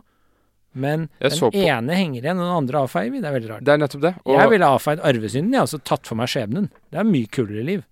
det, ja, og det, jeg, det slo meg her om dagen, fordi jeg, jeg, jeg satt og tittet litt på denne gamle serien til Harald Eia som het uh, Hjernevask. Ja. Og det var veldig interessant, fordi hele den, hele den serien, det overhengende temaet den serien Mm. er miljø eller arv. Mm. Og han konkluderer med hver, i, i hver eneste episode at arv spiller mye mer rolle enn vi tror, osv. Mm. Og for eksempel i, i en søskenflokks liv, til og med, at den ene gjør det veldig bra, den ene gjør det dårlig. Uh, Ut ifra en, en viss måte å se det på, selvfølgelig. Og da, da konkluderer han da med at veldig mye av det er forutbestemt. på en måte. Det er noe i deg som du er født med. Mm. Og han bruker biologi og forskning for å underbygge dette. Ja. Men den kunnskapen satt jo satt jo folk på før i mye større grad. Nettopp dette med skjebne. Det er jo skjebne som beskrives der. At det er noen ting som Du havner i en viss situasjon, du er 40 år gammel, du står i, i midten Mm. av ditt liv, og så er det sånn Hvordan havnet jeg her? Jo, det var min skjebne. Ja, ja. Og så tror jeg det er mye av det han kom frem til der òg. Det er jo egentlig god gammeldags common sense. Det er litt folkekunnskap. Hvis du har, jeg har tre barn. Ikke sant? De er vokst opp i samme hjem. Relativt samme oppdragelse. Og så er de forskjellige. Hvordan forklarer du det hvis oppdragelse og sosiale har alt å si? Ikke sant? Bare det å ha Det er det at barn du som Inger har eh, foretrukket den ene fremfor de andre. Men bare det å ha litt barn og erfaring tilsier jo at det er ikke alt som er innenfor din kontroll. Det er egentlig ganske sånn mange sånne ting som er litt sånn folkekunnskap. Men ja, ok. Men det, er, men det er en del sånn lutheransk, eller kanskje mer sånn kalvinistisk ideologi som kommer inn. USA ble jo tuftet på Calvin. Dette med at hvis det går deg godt, Mm. så er det fordi du har skyld i det. At Gud Du har dette kjennskapet at Gud hjelper den som hjelper seg selv. Mm. Dette veldig troen på at du kan spille en rolle, og det skapte USA. Og jeg er ikke imot den tanken, men Jeg den tanken er veldig Den kan bli litt overdrevent positivistisk, hvor man blir, begynner med sånn selvpisking over at man er ille stilt. Ja. Jeg er enig, men jeg elsker den tanken litt. Altså fordi Jeg elsker den ikke fordi jeg tror det er så innmari i hold. Men jeg elsker den fordi det er en veldig god motivator. Den kan være god motivator. Ja, det er en veldig god sånn pisk. Det er en veldig god sånn gulrot å løpe etter. Hvis jeg oppriktig talt tror at dette er opp til meg, så blir i hvert fall jeg mye mer motivert enn hvis jeg bare tenker å, jeg er en del av systemet, jeg får ikke gjort noe med dette. så jeg liker den tankegangen. Ja, men du anerkjenner at den kan, også være um, Nei, altså jeg ser jo en del sånne sosialvitenskapelige fakta fra USA om at det liksom Det går i generasjoner. Det er, det er jo ikke så lett å bare løfte seg opp og bli Bli noe stort, da. Eh, Så statistisk sett så stemmer det ikke at det alltid er opp til deg, selvfølgelig. Men det er en veldig god tankegang. Jeg liker kanskje å leve på den illusjonen, da, for å si det sånn. mm. Jeg hører det. Du er litt, uh, du er litt forført av uh, Av nykristen tenkning. Men apropos det, så Ja, jeg, sier liker, jeg liker jo litt dette, dette, dette budskapet som er veldig mye brukt i teater, og du kan finne det tilbake til Ødipus. mm. Dette med at noe er forutbestemt, og at hvis, hvis, du, hvis du forsøker å krangle med det forutbestemte, så Mm. går det deg riktig ille, altså. Ja, men jeg, jeg liker det også. Jeg er enig. Altså sånne småting som sånn derre Du vet innerst inne hva du burde drive med. Ja. Hva som liksom fenger deg, og du er god på, og så gjør du noe annet. Ikke sant? Da går det deg ikke veldig Tenk godt. om vi ikke hadde møttes her for å snakke om Ibsen. Tenk om vi ikke hadde fulgt den skjebnesvangre stemmen. Da hadde vi Tenk om vi hadde vært en sånn byråkrat et eller annet sted i stedet. Ja. Tenk om vi hadde bodd i Lillestrøm. Er det skrekken? Ja, det er skrekken. Jeg er faktisk litt enig. Lillestrøm. De har ødelagt hele byen. Det var mye koseligere før. Når jeg var barn, var Lillestrøm OK, egentlig. Nå er det bare sånn helt grusomt. Jeg er blitt offer for storbyutviklingen. Ja, det er masse sånne stygge, høye bygg, og det er helt ødelagt. Det var Lillestrøms skjebne. Ja, det var faktisk Lillestrøms skjebne. Lørenskog er ikke noe bedre enn det. Men skal vi komme oss uh, Ja, mot slutten her? Fordi det jeg skulle si, da, det er jo her sier også fru Inger, apropos dette med at eh, skjebnen er i dine egne hender eller ikke, Mm. eller det å følge den, eller det at du er din egen lykkes med, da, som det heter, eller du legger deg i den senga du selv rer, som er også et uttrykk, så sier fru Inger til Eline, det er visselig ikke min makt å tvinge deg. Efter eget tykke skal du velge å råde selv i denne sak, om hennes liv. Og hvem så- sier hun det til? Eline. Ja, nettopp. Eh, så hun, og da, da Eline liksom sier tilbake, har du hørt når mora med ulvene? Eh, så, Ja. Men eh, så Inger sier jo at eh, de skal få råd over seg selv. Hun skal ikke drive og bestemme over de. Så individualismen er noe Inger har sansen for her. Og hvis du ser på hennes eget liv, da, så ble hun antageligvis gifta bort etter denne sanne kjærligheten med Sten Sture Sture Sten Hva het han igjen? Sten? Sture? Ja, Sten Sture. Mm. Uh, og så, så sier hun, eh, litt etterpå sier hun, dette er også Inger, det er ikke en av dem i alle disse år som har hatt mot til å være mann, og dog legger de meg til last at jeg er en kvinne. Ja, Den er også litt fin. Fordi, ja, hun sukker jo over sin stilling. ja, altså hun klager over at det, hun klager over at det har ikke vært en eneste mann som har reist seg, og så klager hun nå på at ikke hun reiser seg som en mann. Men hun er jo kvinne. Ja. Så hun, hun, hun klager litt over denne dobbeltrollen hun får tildelt. Det er litt det samme som senere når hun sa de oppdrar meg som kvinne, og så gir de meg en mannsbyrde. Det er litt samme. Uh, hun, hun spiller veldig Eller hun, den karakteren, da, syns jeg er veldig interessant i den forbindelse. Den, den blir satt i spagat mellom to kjønnsroller. Mm. Og det, hun begår jo samme feilen mot Eline, opplever jeg. Mm. Ja, hvordan da? Det, det å fortelle henne at du får, du får stå for alt selv. Det sier hun jo til Ja, Eline. mm. Eh, For det første, det er, det er, voldsom, det er voldsomt mye å kreve av et annet menneske, Mm. om ikke sin egen datter. Men samtidig så driver hun på og spiller med Eline og legger føringer. Hun har bl.a. planer om å la denne Nils Lykke forelske seg i henne. Og så sier hun jo til denne, denne skakktavlen, når han eh, uttrykker litt bekymring Ja, men hva hvis din datter faller for ham? Mm. Å ja, men det, det gjør ingenting. Da hvisker jeg to, i, to ord inn i ørene hennes, og så er alt fullstendig over. Ja. Det er da informasjonen om at Nils Lykke er den mannen som ødela hennes søsters liv. Ja. Så samtidig som hun sier det skal være opp til deg og opptatt av individualisme og sånn, så driver hun og legger føringer og spiller med sin egen, egen datters følelser. Nei, hun er jo Hun fremstår som ganske ond til tider, faktisk. Uh, hun bruker jo dattera Hun har litt tvil på slutten, så sier hun liksom 'uff, skulle jeg gjort dette', sier hun på et tidspunkt når hun har ødelagt livet til Eline. så hun har sine tvil, men hun er ganske Hun er ganske sånn drevet av denne betingelsesløse kjærligheten til å få sønnen sin hjem, og, på den beko og da kaster hun alle andre under bussen. Så det er liksom, hun er veldig drevet av en sånn enfoldig sterk kjærlighet, og det ender i tragedie. Så Ja, jeg tror eh, Jeg tror hun er den første klare antihelten til Ibsen, ja, egentlig. Ja, kanskje.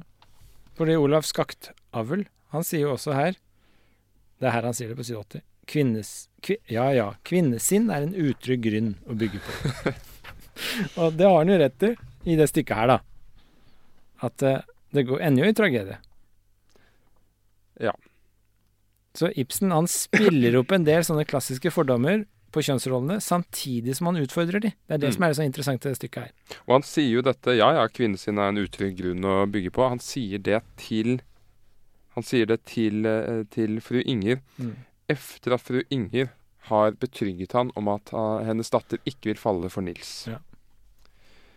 Uh, og det der er jo at uh, hun glemmer jo at det er hennes egen datter. Hun falt jo selv for denne, denne Sture. Ja. Sten Sture. Hun valgte jo kjærligheten den gang. Mm. Hun har bare glemt det. Og så har jo Altså, det han problematiserer med kvinneskikkelsene Inger og Eline her, er jo det Olav Skaktavel sier. At det er litt vinglete. Eline hater Nils Lykke. Elsker han neste øyeblikk. Ikke sant? Skifter helt 180 grader. Inger, helt apatisk i begynnelsen, oppdager at hun kan få tilbake sønnen sin. Blir skikkelig driftig.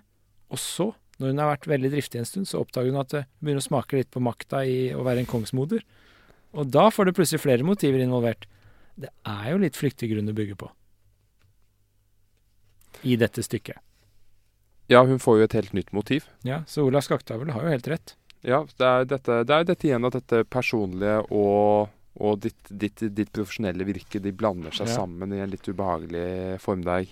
Og det er ikke bra vet du, når politikere og maktpersoner begynner å blande privat økonomi og privatliv med offentlig. Men jeg må si meg eh, Jeg må, jeg må, jeg må spørre deg, Ja. bare for å høre, hvilken akt likte du best? Jeg likte kanskje fjerde eller femte best, fordi da begynte jeg å skjønne mer, samtidig som det da gikk opp for meg at det var kjærlighetsdriftene som styrte alt her, og at Mm. de er ganske irrasjonelle. Ja, jeg er helt enig med deg, og jeg ville nesten sagt at femte akt er best. Ja. Jeg syns dette stykket kom seg veldig mot slutten, Mm. og femte handling jeg, altså jeg, jeg tror flere av lytterne her kan synes at det er vanskelig å komme seg gjennom dette stykket, men det er verdt det når man kommer til fjerde-femte akt. Ja. Da kommer det seg sammen. Og femte akt er jo full av ikke bare Holdt jeg på å si at man eh, kan glede seg over at karakterene endelig går, det går opp for dem hva som foregår, men det er også masse morsom Det er masse humor her. Sånn som på side 87 her, det er i begynnelsen av femte handling. Eller unnskyld, side 89. eh, hvor, eh, hvor dette følget som har fått et bakholdsangrep, kommer tilbake til fru Inger. Det er da hennes sønn som kommer Hvilke tilbake. side er du på? Side 89, på Ja. venstre side. Hennes sønn, som hun ennå ikke vet er hennes sønn, kommer tilbake. Og denne skakktavlen kommer tilbake. Og her lo jeg godt. Hvor de kommer, og så, så sier Olav Skaktavel eh, Grev Sture, hvor er De? Og så sier Nils, det vil altså si grev Sture, det er jo han som er sønnen til eh, Inger. Her, her. Olav Skaktavel kommer med et klede om sin høyre hånd. Og så sier fru Inger Akk, Olav Skaktavel også, i. Olav Skaktavel. Det var ugjørlig å slippe igjennom. Fru Inger. I er såret, ser jeg. Så sier Olav Skaktavel. Å, jeg har en finger mindre. Det er det hele.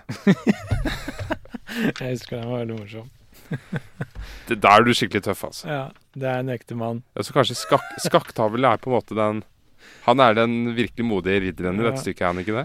Jo, altså Skakktavl kommer frem bedre og bedre jo mer jeg tenker på han, fordi han sier ting som viser seg å være sant. Han er til å stole på, han er ikke noe vinglepetter, han. Overhodet ikke. Og disse andre er litt mer vinglete. Men han myrder jo Ingers sønn. På ordre. På ordre. Han gjør det ikke av gledens hjerte, han gjør det fordi han får beskjed av det. Ja, jeg trodde du var litt imot det, og bare følge ordren, men ok. Ja, men altså, han gjør det litt sånn på tro og ære til Inger, da. Ja, det gjør han jo. Ja. Det er, uh, han, han, er tro, han er tro mot sitt motiv. Ja, han er ikke en tilfeldig voldsmann, liksom. Mm. Det er jo en plan her. Men eh, her på slutten så sier jo Inger også det her, Hun har jo litt sånn Hun blir jo ondere og ondere, egentlig, men så sier hun plutselig Når det gjelder Eline, da, fordi da øh, øh, Forbrutt Eline sier 'forbrutt mitt hjertes fred, god natt, min mor', sier hun, ikke sant? Hun går. Ja, dette er altså etter at hun har Hun og Nils Lykke er blitt forlovet. Ja. Og hun forteller til sin mor 'jeg elsker ham', og han elsker meg, og jeg tror på ham. Mm. Jeg, vet at, altså, liksom, han, jeg vet at han er kvinnens venn og sånn, men Mm. jeg tror på ham. Og da forteller jo moren at uh, 'dette er han som ødela din søsters liv, lev med det'. Ja, så hun ødela for han egentlig. Ja. Hun ødela for dattera si. Og da sier eh, Inger etterpå, rett etter hun har sagt det, sier hvorfor kunne jeg ikke tiet?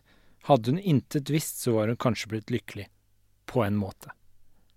Det er litt interessant, akkurat den. Fordi hun sier, angrer litt på at hun ødela dette forholdet mellom Nils Lykke og dattera si. Fordi hadde hun ikke sagt noe, så kunne dattera levd i uvitenhet og vært lykkelig. På en måte. Hun ville vært lykkelig, men det ville vært på en illusjon. Mm. Så det ville ikke vært ekte lykkelig, kanskje? Dette er sånn tankegang i filosofi også, at uh, du kan være lykkelig uten å egentlig være det. Eller du kan være lykkelig, men det kan være falskt. Du kan være basert på en illusjon. Så kanskje for å være ordentlig lykkelig, så må det være ekte. Det må være noe objektivt der. Og det svikter litt her. Så Inger er ganske Er ikke så dum, hun. Nei. Hun er ikke så dum. Um, Og så sier Nils Stensøn, han er jo også Det er jo sønnen hennes. Og han sier på et tidspunkt uh, Lyd henne ikke, sier Nils Lykke. Han gir Stensøn ordre, da. Så sier Nils Stensøn Hvor kan jeg annet? Jeg vil, jeg må. Ikke sant? Her er igjen den derre det kallet. Det er at han må høre på mora si. Og nå har han møtt mora si, så sier han like etterpå så sier han uh, Hvor var det? Jo, nu da jeg så nylig har fått vite at jeg har noe å leve for, sier han. Når han har Mm. fått vite om mora si. Så nå har han noe å leve for. Uh, og dette er igjen liksom Han Nils Stensson han fremstår også som litt sånn enfoldig. Det, det er jo veldig morsomt da når Jeg må si en av de morsomste tingene i dette stykket var når Nils Stensøn kom inn. Han klatret liksom inn gjennom vinduet og Ja. satte seg ned nonchalant og spiste et måltid og ha-ha, folk tror jeg er Grev Sture og Ja. litt sånn. Og jeg ledet opprør for mo- moro skyld, liksom. Ha-ha. Han hadde sagt han var det, og lurt alle til å tro han var det. Ja. Ja. Så han har jo ikke også, Men nå har han noe å leve for. Så, så han var en litt sånn nonsjalant type som ikke brydde seg. Og så, så får han dette motivet igjen, og motivet i dette tilfellet er mor. Ja, og det eh, Han bryr seg så ikke så mye om at han er eh, arving. Nei, han igjen drives egentlig av dette, dette savnet etter mora si, sikkert. da, Eller at han oppdaga hvem han virkelig har som mor og far. Eh, og da får han en helt annen aktsomhet. Da, han, da blir han handlekraftig. Og igjen så er det det derre Når det oppstår noe ekte og ærlig og noe kjærlig å leve for, så får du litt handlekraft på en annen måte. Og det er gjengangeren i alle karakterene her, så vidt jeg kan skjønne. Her sier jo eksempel eh, Dette er igjen fru Inger. Jeg, jeg må innrømme jeg kanskje liker fru Inger litt. Jeg driver og siterer henne hele tiden her nå. Men her sier fru Inger, dette er også i femte akt, så sier hun Det er noe jeg det er noe som måtte så være. Enhver mor hadde gjort som meg, sier hun etter at hun har gjort. okay. og, og så sier hun Men det er ikke tid til ørkesløse tanker nå. Virke må jeg. Ikke sant? så det er også litt sånn interessant. Altså Av Jo, og men til så kan på- du sitte og bare tenke og gruble, men av og til så må du bare reise deg opp og gjøre noe. Ja, men det er også påfallende hvor du lar deg forføre av ord, Einar. Fordi dette sier hun jo rett etter at hun har beordret drapet på sin egen sønn. Så, men jeg er helt enig. Men det, av at- og til men- må det bare være tid for å virke, Øde. Du kan ikke Du kan ikke drive og tenke ørkesløse tanker, da. Men eh, ja, jeg bare liker når det er litt sånn drift i folk, jeg. Ja, eh, jeg skjønner det. Eh, og, men det er, altså, det er et veldig godt tema. Dette her med at man, man har ikke Hun noe vet jo ikke da at hun har drept sønnen sin. Jo, men- jo, men hun det vet går- at hun har drept Hun tror hun har drept halvbroren. Jo, men hun har jo drept sønnen sin. Ja, og, så er det jo, og så er det jo veldig morsomt Men det går ikke opp for henne før helt på slutten. Jeg vet det, jeg vet det. Hun er dum lenge. Men hun setter seg ned, og så skjer jo det morsomme. Hun setter seg ned og skriver. Og så sier hun til Bjørn, denne hjelperen, du skal hente flere lys. Heretter vil jeg ha mange lys i stuen. Dette her er jo et symbol. Mm. At nå skal det bli opplyst. Nå skal vi alle få vite hva som har skjedd. Jeg skal bli opplyst. Eller er hun redd for mørket? Nei, det er nok ikke det. Det er en sånn veldig morsom, eh, morsom sitat hvor hun spør er du mørkeredd. Så svarer den andre ikke om dagen. Så du? Det er i stykket er kjempemorsomt. Hvem sa det? Nei, det jeg husker ikke. Det var en av de som skrev det. Jeg lo fælt når jeg leste det. De spurte er du mørkeredd. Ikke om dagen. Ute av syne, ut av sinn, som Ja, det heter. Du blir bare mørkeredd når det er mørkt. ja. Jeg tror ikke hun er Jo, jeg tror kanskje hun er mørkeredd, men altså her er det ganske tydelig for meg at dette handler om informasjon. Mm. Dette handler om å få ting opplyst, og hun sier det er 'mange lys på bordet'. Hva tar de seg nå ut for der inne? Dette er det de holder på å lage kiste til sønnen hennes. Mm. Så det er noe i henne som Hun vet at ting har ligget nede i mørket veldig lenge, og nå må det frem. Går, det går ikke lenger. Det er, tiden er inne. Mm. Og så maser hun fælt om kista spikres ordentlig igjen. Ja, ikke sant? Den må spikres ordentlig igjen. igjen. må spikres ordentlig igjen. Hun har en liten anelse om at det er hennes sønn hun har beordret Ja, jeg tror også det. Jeg fikk den feelingen at hun mistenker at noe går gærent. Det var derfor jeg trodde hun måtte ha så mye lys, for hun var, begynte å bli mørkeredd. Nei, det Og så fordi maser nei, hun det er- at det det, kista må spikres igjen, for hun er redd det plutselig skal Nei. komme ut noe Nei, det er nok, det er nok fordi hun vet nå nå blir det opplyst, nå får jeg vite sannheten. Og det med spikre godt igjen, det er det motsatte ønsket. Det er å lukke det igjen. Mm. Om at eh, jeg, jeg Ja. orker ikke vedkjenne det, jeg må skjule det. Så det er disse to motsetningsfulle tankene som går igjennom henne der. Det virker mer rimelig. Mm. La du merke til når Finn Lykke skulle rømme, så viste Eline den undergangen i kjelleren, og den gikk via kista til Lucia. Mm. Og så idet han var på vei ned, så sier hun bare 'gå forbi kista til Lucia'. Han bare spretter opp igjen. Så bare 'nei, nei, nei, det er for sent'. han ble kjemperedd. Han skulle forbi den kista som han forårsaka døden til. Ja. Da trakk han seg, så gadd han ikke å stikke den Ja, det er det. Han, han kunne ikke gå forbi det, det Altså, der, hans karakter reddes jo der, da. Han, Mm. han, han angrer oppriktig. Ja. Det er uh... Og hans navn, Nils Lykke mm. Så jeg tenker at uh, Jeg tenker at jeg må høre med min svigerbror, selvfølgelig, som er språkforsker. Men jeg tror nok at lykke i denne sammenhengen kan bety noe mer enn bare hell. Mm. Jeg tror det kan bety at han er den ene personen som reddes egentlig i stykket. At han, Den lykkelige. Den som um, Den som blir god. Hvordan går det med han til slutt? Hva er det siste vi hører fra han? Lykke. Er han med helt på slutten, eller? Skal vi se. Helt på slutten så ser han at uh, Ja, det er det siste. at uh, hun har drept sin sønn, og han uh, går hurtig ut til høyre. Altså alminnelig bevegelse blant de øvrige. Var det ikke du som hadde en teori om høyre og venstre her? Hvor var høyre igjen? Ja, dette er greit, det er Platon, dette med fordelingen av underverdenen. Ja, hvor er høyre? Er det bra? høyre er den gode veien, Ja, da går Nils Lykke den gode veien, da. venstre er den dårlige. Han går ut Ja. til høyre. Ja, stemmer. Dette her er sikkert ikke tilfeldig. Nei, det kan jeg ikke tenke meg. Nei. Så da går Nils Lykke ut den gode veien. Så han som kommer ut bra, Ja, jeg tenker det. da er du egentlig en kvinne Da er du egentlig en, eh, en manns eh. Altså, han er Da går det bra med mannen og dårlig med kvinnen. Jo, var Ibsen. er nok- Her er ikke Ibsen feminist lenger. Nei. Kvinnen liksom følger bare denne kjærligheten til enkeltindividet, det ender i tragedie. Og mannen han er liksom ender opp med å gå til høyre. Men- Ingen går vel til venstre? Jo, men, men, men Nils Lykke er jo først og fremst danske, da, mer enn han er en mann. Trøst. Ja. Og han driver, med med, han driver med kvinneforføreri, og han slutter jo med det. Altså Det er ganske tydelig at det er et skille her. Han tror Det syns jeg var litt morsomt å være med på den reisen til Nils Lykke. At han tror i begynnelsen at han forfører Eline fordi han skal lure moren. Ja. Men så innser han etter hvert herregud, jeg forfører henne fordi jeg faktisk er glad i henne. Ja. Det syns jeg er en fin måte å redde en karakter på. Mm. Men uh, det slo meg Siste setning her er jo en sånn Hvor det så 'alminnelig bevegelse blant de øvrige'. Og det er jo en sånn beskjed om hva som skal foregå i teaterstykket. Ja. At Inger ligger nede og sørger over at hun har drept sin sønn, og det er alminnelig bevegelse i folk rundt i salen. Og det slo meg at det har vi ikke snakket så mye om, dette med å lese teaterstykker. Mm. At det kanskje er litt rart. Hvorfor er det rart? For veldig mange mennesker, mener jeg. Fordi Vel, det er rart i seg selv også. Fordi det er nesten litt som å se på Hva, kalles det? Et, et bilde før det blir fremkallet? Et lysbilde eller noe sånt. Fordi det, er jo ikke ment å skulle leses Eller det er nesten det er 90% av opplevelsen. Den skal jo settes opp. Mm. Så man leser, det er nesten som å lese partituret til eh, en symfoni. Den skal jo settes opp. Det er da det blir musikk. Ja. Så hva tenker du om eh, det? Å lese teaterstykker? Jeg har alltid likt å lese teaterstykker, for det går kjapt og effektivt. Og det er liksom mye som ligges mellom linjene, så det er mye rom for liksom å tenke sjøl, på en måte. Så det blir ikke gitt deg med teskje alltid. Eh, så det, jeg syns det er veldig kult å tolke karakterer i et teaterstykke heller enn kanskje i en lang roman. Syns jeg er veldig gøy.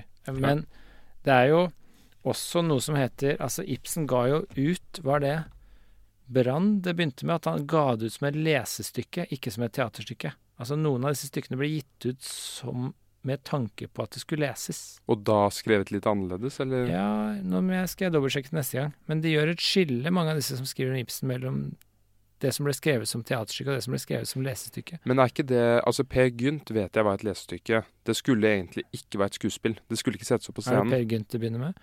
Men det var iallfall Men det er Brann er jo egentlig bare et langt dikt. Ja. ja det kan det er tilfelle med Brand også, men, men Per Gynt skulle i alle fall aldri opp på scenen. Ja. Det, det begynner med at Edvard Grieg begynner å lage musikk, og de, Ja, det er flere rundt som blir liksom begeistret for det stykket. Men det skulle opprinnelig være et lesestykke Mm. Men ja, men jeg tenker det er veldig sunt for mange å lese teaterstykker. For jeg kjenner veldig mange studenter og andre som ikke orker å lese tjukke bøker. Kommer seg ikke gjennom lange bøker. De har bare ikke sjans. Er det slikt man innrømmer? Vi vil aldri innrømme det, Ja. men vanlige dødelige innrømmer det av og til. Og da har jeg alltid anbefalt ja, men les noe dikt, da. Ikke sant? Det er kort. Les et haiku-dikt, liksom. Da Mm. er du ferdig veldig fort. Så kan du tenke litt på det. Da får du i hvert fall i gang leseevnen og lysten. Og så har jeg sagt gå over til teaterstykket etterpå. Les litt Ibsen. Det går jo mye fortere. Du leser jo hele skiten på en time, liksom. Et stykke. Ja, kanskje ikke fru Inger til Østerått. Nei, det var litt lenger, da, men en time eller to. Leser du én akt hver dag, da, så er du ferdig på fire-fem dager. Ja. Og det tar jo ikke lang tid i det hele tatt. Så den her, for eksempel, har jeg lest i morgenkaffen. Kaffe om morgenen. Leser et, eh, en akt. Mm. Jeg minner om at jeg leser hele Jeg sitter lenge med kaffen om morgenen. Men ja, det, er, det er noen timer, det. Ja, det går fort, da. Men altså, du Det er også treningssak som alt annet, ikke sant. Altså, når du blir god til å male, så maler du et bilde mye fortere. Når du blir god til å lese, så leser du et stykke mye fortere. Ja. Så det er en treningssak som alt annet. Men jeg vil anbefale Jeg skjønner ikke hvorfor ikke folk leser mer teaterstykker. jeg. Syns det er kjempegøy å lese teaterstykker. Ja, det jeg liker med det Jeg liker litt Det kribler litt i maven min dette med at det kan settes opp mens Ja. jeg leser det. Ja. Jeg må innrømme det. Det er nesten litt sånn uh, En roman er en roman, så jeg leser det ferdige produktet. Mm. Men akkurat det at det er 95 det er ikke helt ferdig, det må settes opp. Ja. Da blir jeg litt sånn begeistret når jeg leser det, og jeg leser anvisningene på hvordan Mm. hvor figurene skal gå, hvilken dør som er her og der. Og jeg kan drømme meg inn i scenene. Mm. Det syns jeg er fantastisk. Mm. Og så kan jeg håpefullt tro at det en dag vil bli settes opp på best mulig måte. Ja. Noe det ofte ikke gjør. Mm. Fordi dessverre så er det så mange mange folk på teatrene, de store teatrene som skal legge sitt eget eh, egen signatur på verket. Ja. Det er veldig leit. Mm. Ja, jeg har lyst til å bare se et Ibsen-stykke med klassisk oppsett. Du Se det som det er beskrevet. Ja, ja. Ja. Nei, men det, det er en annen ting som er veldig fint med teaterstykker, er jo også å lese seg inn i karakterene, og så tenke liksom Se for seg karakterene og fylle inn veldig mye selv. Og da er det veldig interessant å snakke med andre som har fylt inn helt andre ting. Jeg Ja, for eksempel hårfarge. Ja, jeg har aldri sett for meg Line med rødt hår, ikke sant, men det kjenner jeg en annen som har gjort. Ja. Og det Da fyller man inn mye selv, og det gjør det i romaner òg, men kanskje i mindre grad, da, fordi det er så mye mer som blir gitt, ikke sant. Så jeg liker teaterstykket veldig godt. Anbefaler alle å lese det. Ja. Og så er det ikke minst dette med dette med litt sånn undertekst, fordi når man ikke, arbeider, når man ikke kan beskrive følelser Man kan bare beskrive uttrykk man skaper, eller Mm. sånne ting, eller ting man sier, så må man arbeide mye mer med underteksten. Mm. Uh, så, så da er det jo ofte sånn at man får en karakter til å si at uh, at uh, 'jeg har aldri vært redd', f.eks. Og så i konteksten så skjønner man da at et menneske er livredd. Ja, ja. Men også er det jo veldig kompakt nødvendigvis i et teaterstykke, så det er veldig mange vakre setninger som sier ganske mye. Og det liker jeg med teaterstykker. I hvert fall de beste, sånn Ibsen og sånn. Altså, du finner sånne sitater som du kan dvele ved ganske lenge. Eh, for eksempel bare sånn derre Sånn som vi har lest flere av, ikke sant. Eh, bare sånn hva, hva Hvor kan jeg annet? Jeg vil, jeg må. Altså, det er liksom Når det puttes i munnen til en karakter, så blir det veldig sånn mye mer slagkraftig enn du får i en roman, føler jeg. Fordi jeg blir sittende igjen med konkrete ting som konkrete personer har sagt, veldig sånn kompakt. Og det Ja. sitter veldig mye lenger. Ikke sant? Det er sånn Du kan sitere et teaterstykke mye kulere enn du gjør en roman, skjønner du. Ja, jeg syns jo det. At man må være mye mer effektiv. Det det skal inn eh, Det skal kunne fremføres på to timer, to-tre timer, dette her. Og så er det jo egen sånne kode, tenkte jeg på når jeg leste det her. Det er jo egne sånne Så det jeg tror du nevnte en gang, altså det er litt sånn, av og til litt sånn kunstig når du skriver et teaterstykke, at karakterene er litt kunstige. De sier sånne dramatiske ting, og så kommer det veldig en brå vending veldig fort, og så bare får hun vite at det er sønn, og så bare Nei, akk, å, faller over kista. Det er veldig mye sånn drama, men det er liksom Det er koden. Det er det som er gøy med det. At det liksom ikke er en realistisk vending fra det ene til det andre, men det skjer mye fortere. Og det liker jeg. Kanskje det er den utålmodige delen av meg som ikke orker å vente på at det skal skje i sin fulle detalj. Mm. Blir du forelska, så la det skje på to linjer, så slipper jeg å sitte og lese meg gjennom 30 sider før du ble forelska. Hvis Ja. du får til det med enkle setninger, så er det mye mektigere, da. Syns jeg. Det er mye Ikke mektigere, ja, men det er mye mer det, effektivt. så er det nesten litt sånn kontraintuitivt, men veldig sant at du får publikum til å akseptere disse, disse raske vendingene hvis du Mm. først har gått veldig mye den motsatte veien. Ja. For eksempel inn som 'Jeg hater ham', og han, han representerer alt jeg hater ham for Og så og Da er det mye lettere å svinge deg tilbake til motsatt side. Mm. Eller uh, Inger, for den saks skyld, som som har disse idealene, men straks hun får høre sin sønn, så bare legger hun seg på kne med en gang og jeg, gjør det du, 'Jeg gjør det du sier, Nils'. Mm. Hva du enn sier. Hadde du kasta alle idealer over bord sånn, for noe? Inger gjør det for Nils Stensønn. Nei, jeg, jeg tror ikke det. Jeg har eh, hatt en uenighet med min mor. Min mor har sagt at du vil kaste alt over ende når du treffer den rette. Og hun har rødt hår, selvfølgelig. Min mor, eller den rette? Den rette. Nei, nei, nei. Det, det har jeg ikke lyst til å okay. Ja, men du er uenig med mora di? Ja, jeg er det. Jeg tror ikke det. Turi, som hun også heter. Jeg tror ikke det. Um, og skal jeg først gjøre det, skal jeg først uh, lande på mine kne og, og oppføre meg som denne Inger gjør her mot slutten, så skal jeg først gjøre det på virkelig. Jeg skal ha fornektet det inntil da. Ja. Så, så jeg, jeg vil ikke erkjenne det. Uh, men Altså- jeg tror heller ikke på det. Nei, for å støtte din mor litt, da, så kan det jo være at det Det kan jo bare være at du ikke har møtt denne rett ennå, ikke sant. Altså, du skjønner ikke det eget beste før det har skjedd. Du skjønner egentlig ikke at det kommer til å skje før det har skjedd. Mora di vet at det har skjedd, og har sikkert opplevd det og vet det, ikke sant. Hun har levd lenger enn deg. Ja. Mens kanskje en dag så treffer du denne rødhårede rette, og da Da smeller det. Da smeller det. Da. Kanskje det er det. ja, men så er det jo dette her med For når du blir stormforelska, så forandrer alt farger. Maleriene dine kommer til å se helt annerledes ut. Ja. Nei, men altså, jeg, jeg, jeg, jeg tror veldig på besinnelse også når det gjelder lykke. Ja. Så, så det er derfor jeg ikke tror det kommer til å skje. For jeg har, jeg har jo drevet og syslet med litt filosofi Ja.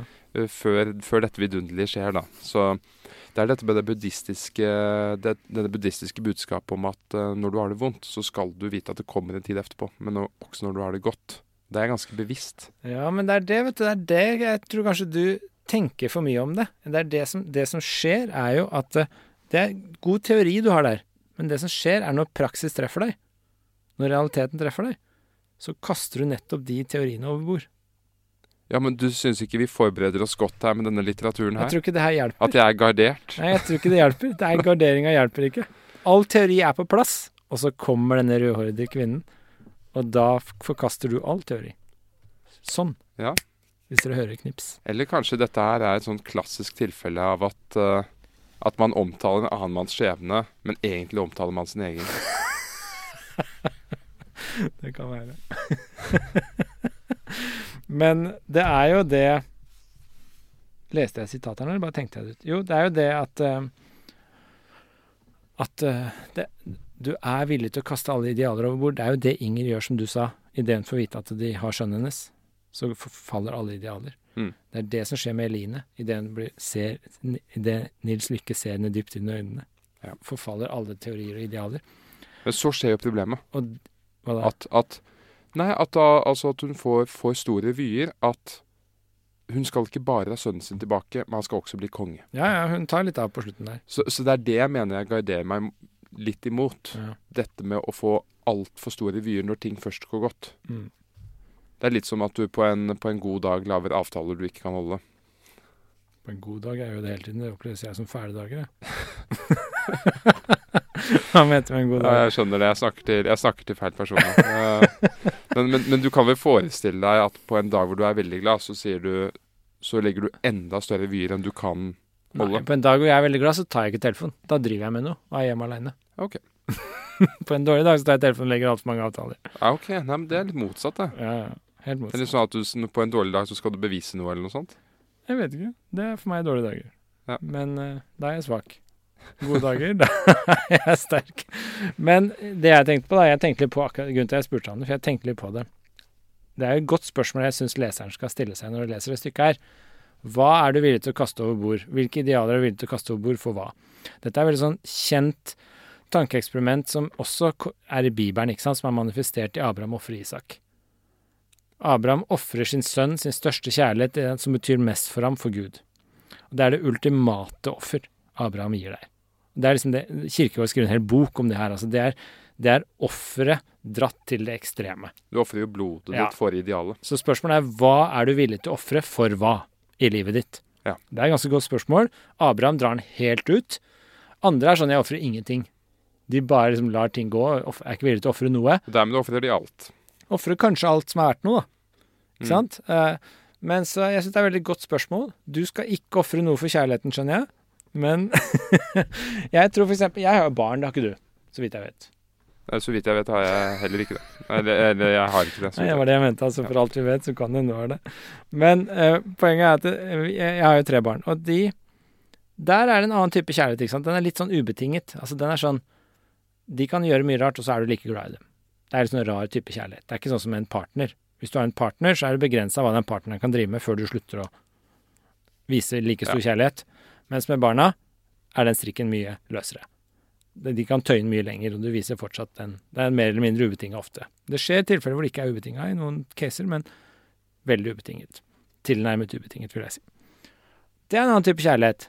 Og jeg tror for eksempel, hvis, som det står i stykket her i sted, da, når det gjelder liv, så må drastiske midler til, sier han et sted her, i det stykket her.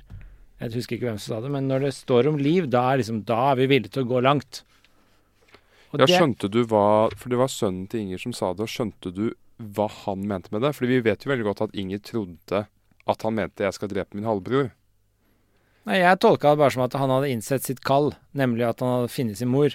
Og han hadde noe å leve for. Og han var Og når det står om liv, sånne typer liv, at han, det, han, nå kan han endelig leve, liksom, nå står det om noe viktig, da. Da er han villig til å Ja. gå Det er vel kanskje ikke så viktig nøyaktig hva han skulle gjøre. Nei, det er uklart òg. Men altså, jeg tror det, det som er tror jeg er et jækla godt spørsmål å stille seg, da. Hva er du villig til å ofre for hva? Mm. Og jeg tror veldig mye av det Jeg har vært villig til å ofre hvis det virkelig sto om liv på en av barna, f.eks. Ja. Da ofrer du ganske mye. Men hvis det virkelig står om liv for en du overhodet aldri har møtt, som du ikke har noen forbindelse med, så er jeg villig til å ofre mye mindre. Ja. Men det, altså Kanskje for å gå tilbake til den diskusjonen eh, vi stadig havner i. Dette med hvor eh, ynkelig vår tid er. Um, Gjengangeren i ja, sånn som, sånn som Inger til Østerått, at det er ingen ridd lenger. Det er ingen mot. Mm. Det er ikke noe liv. Det er bare tafatthet og sirkus. At, Bra sirkus. ja, og at det du har beskrevet, dette med å motta motgang og sånne ting um, At det kanskje ikke handler om motgang i seg selv, men at det handler om den type motgang som tvinger deg til å ta de valgene. Mm. Um, som, som plasserer deg i situasjoner hvor du må ofre. Ja. Da, blir vi- da blir det bra. Ja, det er først da, når du har ofra noe, at du på en måte kan vokse, tror jeg, da. Ja, og først da du kan velge noe som er virkelig bra. Ja. Og det handler om det du nevnte tidligere òg, at du er flink til å ta aktive valg. Ja, Det er jo litt sånn, ja, det er litt sånn, ikke sant? Da ofrer du noe. Når du tar et aktivt valg, så sier du samtidig fra deg masse annet. Ja. Og det er et slags offer. Det er ikke et slags offer. Nei. Det er et offer. Eh, så, det, så jeg tror det er veldig sånn Jeg tror det er først når noe står på spill, da, at du liksom Det er da vi virkelig lever. Var nesten litt sånn Inger-uttalelse der nå. Det er liksom, det er et offer på en måte. Ja, det er et offer. på en måte. Det er liksom ikke Abraham-offeret, men det, er, det er på en måte et offer. Ja, man, kan, man kan bruke den setningen hvis man, hvis man har veldig lyst på pølsebrød man er ute og reiser, og så, og så er det sånn Nei, vet du hva, jeg dropper butikken for jeg må rekke bussen. Da kan man si ja, det er et offer på, på en måte. Ja, det er det. Det er ikke noe seriøst offer. Nei. Men, men jeg snakket om da seriøse ofre. Ja. Men eh, du har ikke noe seriøst offer du vil dele, nei? Okay.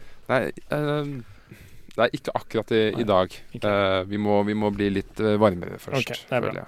Eh, en ting til jeg tenkte på før jeg glemmer det, det er at eh, Jeg likte den setningen med Inger som du lo litt av. Den der når hun sa Ja, men nå er det ikke tid for, å, for nyttesløse tanker, nå må vi handle. Ja. Jeg liker den ideen litt. Eh, altså bare sånn Virke må jeg. Virke må jeg. Fordi det er også jækla godt å ta inn over seg. Av og til så er det ikke tid for å sitte og grave seg ned. Sånn som jeg hadde biltrøbbel for ikke så lenge siden. Oppi alt annet stress, og alt var liksom rot og kaos. Jeg rakk ingenting, og hadde måttet si fra meg alle avtalene jeg hadde sagt ja til på en dårlig dag og sånn. Og så røyk bilen samtidig. Og da var det sånn bare, Jeg hadde bare mest lyst til å legge meg under grine, ikke sant? Men så tenkte jeg sånn Nå er ikke tid for ødsle tanker. Nå må jeg Virke må jeg, tenkte jeg. Ikke sant? Nå må, du, nå må jeg bare handle. Nå må jeg bare ringe NAF. Nå må jeg bare liksom ta litt action her. Og så jeg, kan jeg dvele ved dette senere. Ja. Det tror jeg er en ganske god holdning. Mm. Og så, det Vise er helt, helt det. enig. Og det som skjer veldig ofte når man begynner å virke, når man bestemmer seg nå virker jeg, det er at man først blir kraftig motarbeidet. Ja. Jeg hadde en lignende historie i sommer, hvor jeg skulle reise ned til min families villa i Sverige for å Mm. treffe en venn. Og så hadde jeg ikke noe bil, og så tenkte jeg virke må jeg. Så jeg fikk, så jeg, fikk- eh, så jeg fikk tak i en bil. Kjøpte en bruktbil. Virke må jeg. Og da, det som skjedde, var at alt var veldig fint, og bilen var bra og sånn. Og så på veien ned Kjøpte en bruktbil? Jeg kjøpte en bruktbil, ja. og så skulle jeg dra dagen etterpå ned til Sverige. Og så det som skjedde dagen etterpå, mens jeg var på veien, så plutselig, i 120 km i timen, så hopper bilen min opp og ned. Hva er det- som foregår nå? kjøpt sånn gangsterbil? Sånn som Ja, det var nesten, Gjenger, nesten sånn, ja. ja, ja. Og så kjørte jeg til siden, og da hadde jo dekket mitt uh, Ja, det hadde gått hull i dekket og Ja, veldig ille. Altså, Ja. det var nesten som felgen skrapte ned i asfalten. ja. Hvor var vi nå? Nei, da er vi nede i Sverige. Jeg har ikke noe NAF-medlemskap eller noe som helst. Jeg sitter her, Det eneste jeg har, er en sånn rusten gammel jekk i, dem, i bruktbilen. Og da må jeg sette meg ned og jekke den opp. Og, og jeg føler jeg allerede har vært igjennom så mye, for jeg måtte dra til et sånt sted langt bort for å kjøpe bilen og alt mulig. Så da kjenner jeg å, jeg blir motarbeidet, jeg blir motarbeidet. Å, dette er prisen jeg må betale for å virke. Jeg føler at vi deler veldig sånn ilandsproblemer. det er liksom borgerskapets ilandsproblemer der. Ja, Ja, ja, men altså, det er engang slik, ikke sant? og det er hele problemet. Når du står i det, så føles det veldig viktig, selv om vi innser at det kanskje ikke handler om krig og død. Det er veldig slitsomt er å stå viktig, er i Sverige vi er- med en jo- bil som har kollapsa.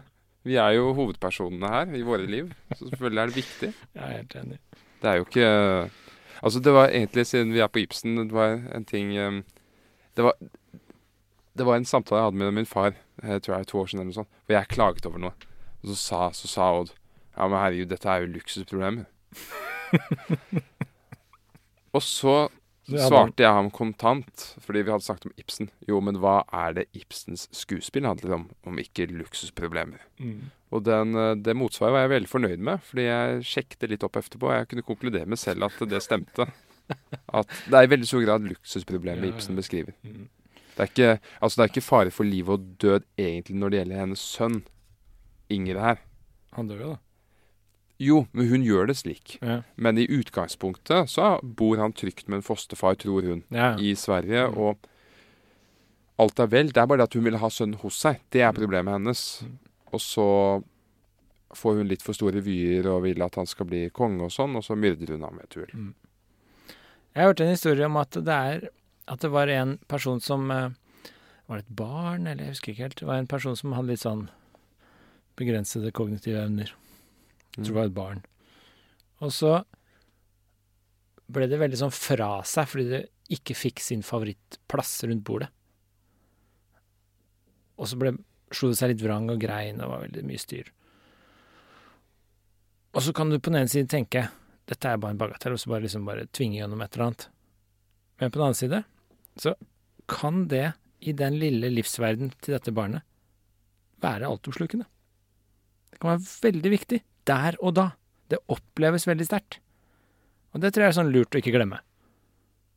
Så når Øde står da i Sverige med en brukken bil som ikke funker, og det er liksom stress, og jeg ser du liksom svetter litt i panna og er sliten, og du må vri denne jekken som du ikke vet hvordan funker og sånn, så er det Det kan oppleves veldig sterkt der og da. Vi må ikke glemme den empatiske evnen der. Det tror jeg er veldig viktig i et godt samfunn. At vi selv rike folk kan ha det fælt, og selv fattige folk kan ha det bra. Vi må ikke glemme liksom at det oppleves forskjellig, ikke sant. Så en, en milliardær kan liksom være veldig sliten og oppgitt over alle problemene den har med alle penga sine. Og sånn som oss som lever sånn mer midt på treet, vi kan være veldig slitne og oppgitt over det våre problemer i borgerskapet, eller hva vi kaller det. Ja, så vi, er, fatt- vi har det kanskje verst, fordi vi opplever både rikmannsproblemene og fattigmannsproblemene. Vi er jo midt inni. Så vi har det verst. Så alle bør, bør føle mest medynk med oss. Ja. Det er jeg helt enig i. Det jeg var nesten en perfekt avslutning. Ja. Bortsett fra at jeg har én ting til jeg må ta opp. Ja, men det har, jeg har også en ting før du kommer til det. Fordi du har vært så flink til å spørre tidligere, men jeg skal spørre denne gangen. Ja. For å holde oss litt til fru Inger til Østerått her. Hvem er din favorittkarakter? Ah. Det er et bra spørsmål. Det må vi alltid stille oss. Det må vi ikke glemme. Nei. Det var min favorittkarakter. Inger er jo liksom den sterke karakteren, men jeg syns hun ble ond. Så jeg syns ikke hun, hun I begynnelsen var hun liksom åpenbart Inger kom til å bli min favorittkarakter, men så ble det sånn Denne personen er jo direkte ond. Jeg likte henne ikke idet hun faktisk var den som kasta unga sine foran ulva for å klare seg sjøl. Men du er jo veldig forført av hennes uttalelser. Ja, hun har mange- Virke må jeg Hun har altså. ganske mange kule slagord, men jeg tror kanskje ikke jeg likte karakteren hennes best. Sånn sett tror jeg nesten jeg likte Nils Lykke bedre, fordi hans vei er på en måte mer positiv. Uh, han får en erkjennelse av kjærlighet i stedet for en erkjennelse av maktsjuk. Så de går, som du sa, motsatt. Så, men Og så var jeg veldig sånn Einar Huk, han er kul. Han må vi Jeg tror kanskje Olav Skaktavle, jeg.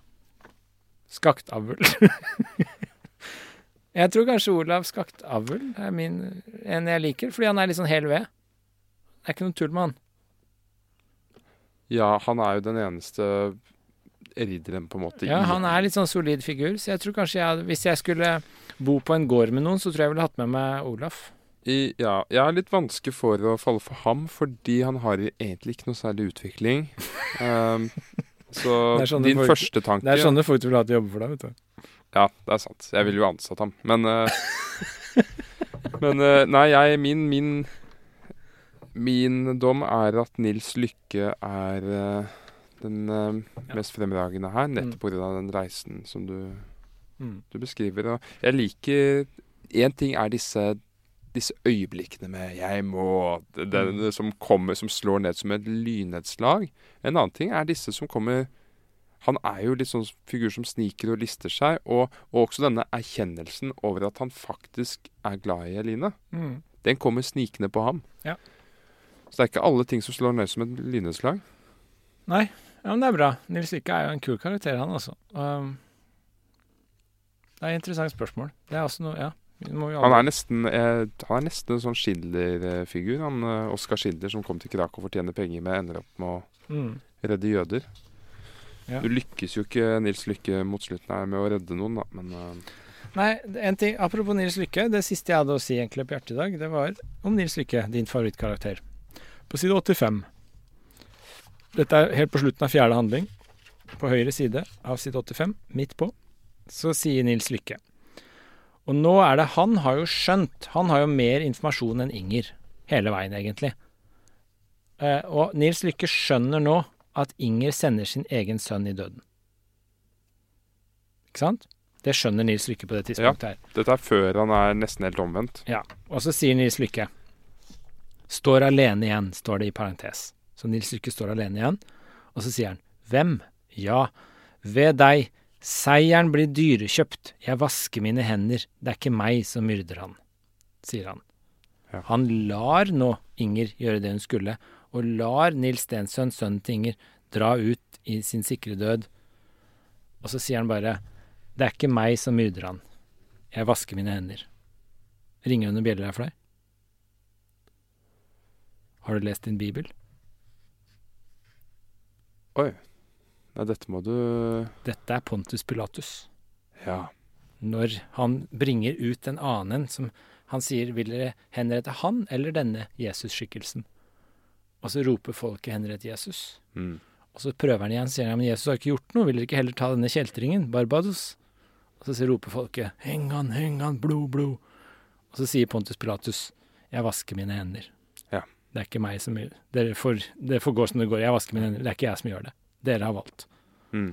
Dette er jo åpenbart eh, er jo Pontus for- Pilatus. Det er jo Pontus Pilatus sin synd også. At han, at han spiller for seg selv. Han, eh, han, han legger opp et, et scenario. Eller han fikser et scenario hvor han slipper litt unna med skylden. Jo, det er veldig godt diskutert, det der, der da, hva han gjør her. Fordi på en måte så Situasjonen er litt sånn, kanskje det er litt sånn med Nils Nykke her òg, ikke sant. Det var derfor jeg tenkte på det. Altså, det er litt sånn, du ser hva som er i ferd med å skje, og så prøver du å finne noen utveier for folk flest, for de andre, sånn at det kan gå litt bedre. Men så skjønner du at det her går ikke, og hvis jeg motarbeider det mer nå, så går det gærent på andre måter. Og til Ja. slutt så bare sier du 'jeg vasker mine hender', det er ikke jeg som gjør det her nå, dere har valgt. Og sånn sier Nils Lykke litt her. Han sier til Inger liksom ok, nå går det som det går, du har fått det som du vil, nå er det ikke lenger jeg som er Ja. med her. Så dette er ganske sånn viktig vendepunkt, tror jeg, for Nils Lykke også. Altså, nå vinner på en måte Inger i spillet mellom hun og Nils Lykke, men Nils Lykke ser at det ender i tragedie. Ja. Og han får ikke stoppa det, for hvis han gjør noe mer nå, så går det gærent på andre måter. Slik at eh, det er ganske sånn interessant. Jeg tror hvis jeg var Ibsen-forsker, da, så hadde jeg gravd meg litt ned på akkurat sånne punkt. Og det er jo ufattelig mange bibelreferanser her, så Ja. den har godt uh, oppdaget. Og det sies jo at Ibsen leste Bibelen litt hver dag for å sette seg i riktig litterær stemning. Mm. Fordi det er så mye vakkert skrevet i Bibelen. Den er så kompakt, den er så rik på bilder. Den er veldig sånn teatralsk sånn sett. Veldig sånn som disse teaterstykkene til Ibsen. Så ja. Jeg syns det bare var et interessant punkt, akkurat det der. Er det noe mer du ønsker å si av det, eller er vi Jeg har mista litt klokka er? Jeg vet ikke helt hva tida Nei, er. hvem, hvem vet hva tiden er? Eh, vi må jo virke. Um, Nei, nå er tiden for tanker. Vi kan virke senere. Det. nei, men jeg, jeg er forberedt på neste skuespill nå, jeg. Mm. Hærmennene på Helgeland blir neste ukes uh, samtale. Mm. Det går fremover nå. Nå er det fjerde stykket vi begynner på. Ja, vi kommer oss. Vi kommer oss. Jeg uh, Ja, hva skal, hva skal dommen, den endelige dommen bli her på dette stykket? Hvordan står det seg i forhold til Gilde på Solhaug og Katelina? Um, jeg syns Catelina kanskje var det mest sånn derre debutalbumet. Det var det som hadde mest sånn punch. En solid debut. Ja, det hadde mest sånn punch, føler jeg. Men jeg syns kanskje det her er det mest kompliserte så langt. Og hvis jeg skulle virkelig liksom bruke tid og forske på Ibsen, som sagt, så tror jeg kanskje jeg ville Av de vi har lest så langt, da. Så det tror jeg kanskje det er mest å hente her. Det er mest Ja. komplekst, det er mest intriger, det er mest psykologi, tror jeg. Jeg tror det er Karakterutviklingen er ganske interessant her på noen, men på den annen side så er det veldig Jeg satt og leste som du, vi var inne på tidligere, og så tenkte jeg sånn Hva er det her for noe? Hva er det som skjer? Det er- skjer jo ingenting. Og så kommer jeg først ut i fjerde, femte akt, det er liksom 60 sider før det begynte å skje noe. Sånn ordentlig nøste opp og Så jeg syns det er litt komplisert, men Ja, for meg, for meg så slår det som litt hele konklusjonen med at hun myrder sin sønn og, og alt sånn Det slår meg som litt sånn påfunnaktig at det henger ikke helt sammen med resten og åpningsmotivet. mm, Det, det fremstår som meg som litt forsøk på å bare, bare skrive en tragedie. At det må ende med at, mm. med at hennes kjæreste dør. Men jeg skjønner ikke hva det har med, med selve handlingen med Norge og Sverige og Danmark å gjøre. Nei, Kan det ikke være litt det du sa? At det, når du blander private og offentlige ting, så går det til helvete? At det er litt det som er poenget? Eller at når du følger kjærligheten blindt og ikke og mister idealene av syne, så går det til dundas? Altså, kan det ikke være litt det? Ja, det er vel, det er vel kanskje det. Og, og også dette bakteppet. Dette, det åpner jo i første scene, dette med der hvor det ikke er noe mann, der får kvinnen råde. Mm. Kvinnen har jo kan jo føde barn, så det er jo tema her. Mm. Hva mener du? Menn kan ikke føde barn. det skjønte jeg, men hva mener du med Nei, Det, det er jo noe spesielt med båndet mor og sønn, eller Ja, mor sånn, ja. ja. datter, eller i dette tilfellet sønn, da. Mm. Som menn kanskje ikke har på samme måte. Nei, jeg syns det er vanskelig å plassere det. Jeg er enig. Men uh, jeg syns det var interessant uh, måten han spiller på kjønnsrollen her. Det syns jeg var litt interessant. Ja. Du får frem både det progressive og det konservative eh, i kjønnsrolleforståelser i karakterutviklingen her. Det likte jeg litt. Ja. OK. Men, Andre ting, eh, eller? Nei, Uh, nei altså jeg Jeg syns, jeg syns dette stykket er litt, litt problematisk. Eh, hun fremstår som en helt, men så en antihelt. Jeg, Mm. altså jeg felte ikke noen tårer på slutten Nei. da hennes sønn døde. Jeg gjorde ikke det. Jeg er Altså. litt enig i at det er litt sånn styltete av og til. Jeg er enig i det, faktisk. Det er ikke Det er litt sterkere med stykker som vi skal lese senere, sånn som 'Villanden', Mm. med dette offeret på slutten der hvor, hvor det faktisk er noen du føler ekstremt med, som Ja. står i det rommet. Mens her var det på en måte ingen. Nei, jeg fikk heller ikke ordentlig tak på karakterene, som sagt. Så. Men jeg syns det er komplisert nok til at det er interessant, da. Det må jeg innrømme. Når jeg leste andre gangen, så ble jeg litt sånn Det er mer å hente her. Jeg likte det bedre andre gjennomlesning enn første. Det gjorde Ja. jeg faktisk. Det er dette med å bygge en, eh, bygge en symfoni, bygge opp alle disse ulike stemmene. Det er, et- det er et vanskelig foretagende han tar for seg her. Mm. Men uh, jeg må innrømme at i de første to aktene så, tenkte, så savnet jeg Gilde på Solhaug. selv, selv om den er enklere, så Ja. opplevde jeg den som litt klarere. Og jeg, Ja. og jeg synes at denne, dette teaterstykket, som jeg nevnte innledningsvis, det var litt for mange forviklinger. Ja. Han, han gjorde seg litt for avhengig av forviklingene. Mm, det er enig. Og når det blir for mange, så blir det litt sånn styltete. Så jeg er enig i det. Men eh, neste vi skal lese, er jo dette Hermenna på Helgeland'. Det har jeg aldri lest før. Har du? Nei, ikke lest det, og jeg ser at vi skal enda lenger tilbake i tid nå. Det er Erik Blodøkses tid. Vent, hvor er du nå? Det er hvis du om- på Helgeland'. Skuespill i fire handlinger. Å ja, nå så jeg feil. Jeg så årstallet var skrevet, ja. Ja. Nei, du mener handlinga, du. Ja, Erik Mm. Blodøkses tid, står det der. Så da går han enda lenger tilbake. Så Ibsen eh, holder på med disse periodedramaene sine. Ja, men altså, første Katlina var jo type eh, etter år null. Og så var det vel 1300-tallet, Gilde på Solhaug. Og så var det 1500-tallet nå. Ja. Og nå skal vi litt tilbake igjen, nå. Ja, nå er 900-tallet Ja, Erik. Blodøks. Det er vel sånn 1000-tallet, tenker jeg. Ja. 1000 og ja, 1100 kanskje til og med. 1000-tallet en gang. Var ikke Eirik Blodøks eh, sønnen til eh, en av disse store? Jeg tipper vi har bikka 1000-tallet nå. Ja. Jeg tror han var sønn eller barnebarn av Olav den hellige, var det ikke det? Dette må vi få undersøkt. Ja, Olav den døde 20, 000, Men det virker jo Det virker jo nesten som om Ibsen skriver teaterstykker i takt med at han selv leser historie, Ja. spør du meg. Virker nesten som en øvning øving i å lære seg om historien. Også dette bakteppet for Inger Tøsteråt, denne perioden hvor danskene utryddet den norske adelen og sånn. Mm. Det er et litt glemt kapittel og ikke mye snakket om i Norge. Fordi i Norge så sier jo alle 'vi har ikke noe adel'. I Norge, vi har ikke noe adel. Mm. Og litt sånn stolte av det, men i realiteten så hadde de det, og det ble utryddet av danskene. Du savner det litt, du. Altså, man trenger bærende skikkelser for å bære en kultur, da. Du syns Norge er litt sånn eh, Hva var sitatet? Potetland? Ja, jeg har, jeg har jo Jeg har måttet leve Um, Jeg synes det var helt- det. Jeg syns det var helt episk. I baris. Du sto i bar overkropp, Ja, ikke sant? ja, Ja, ja. det var helt episk. Ja, det er så bra at du syns Ja. det. jeg syns du skal gjenta det.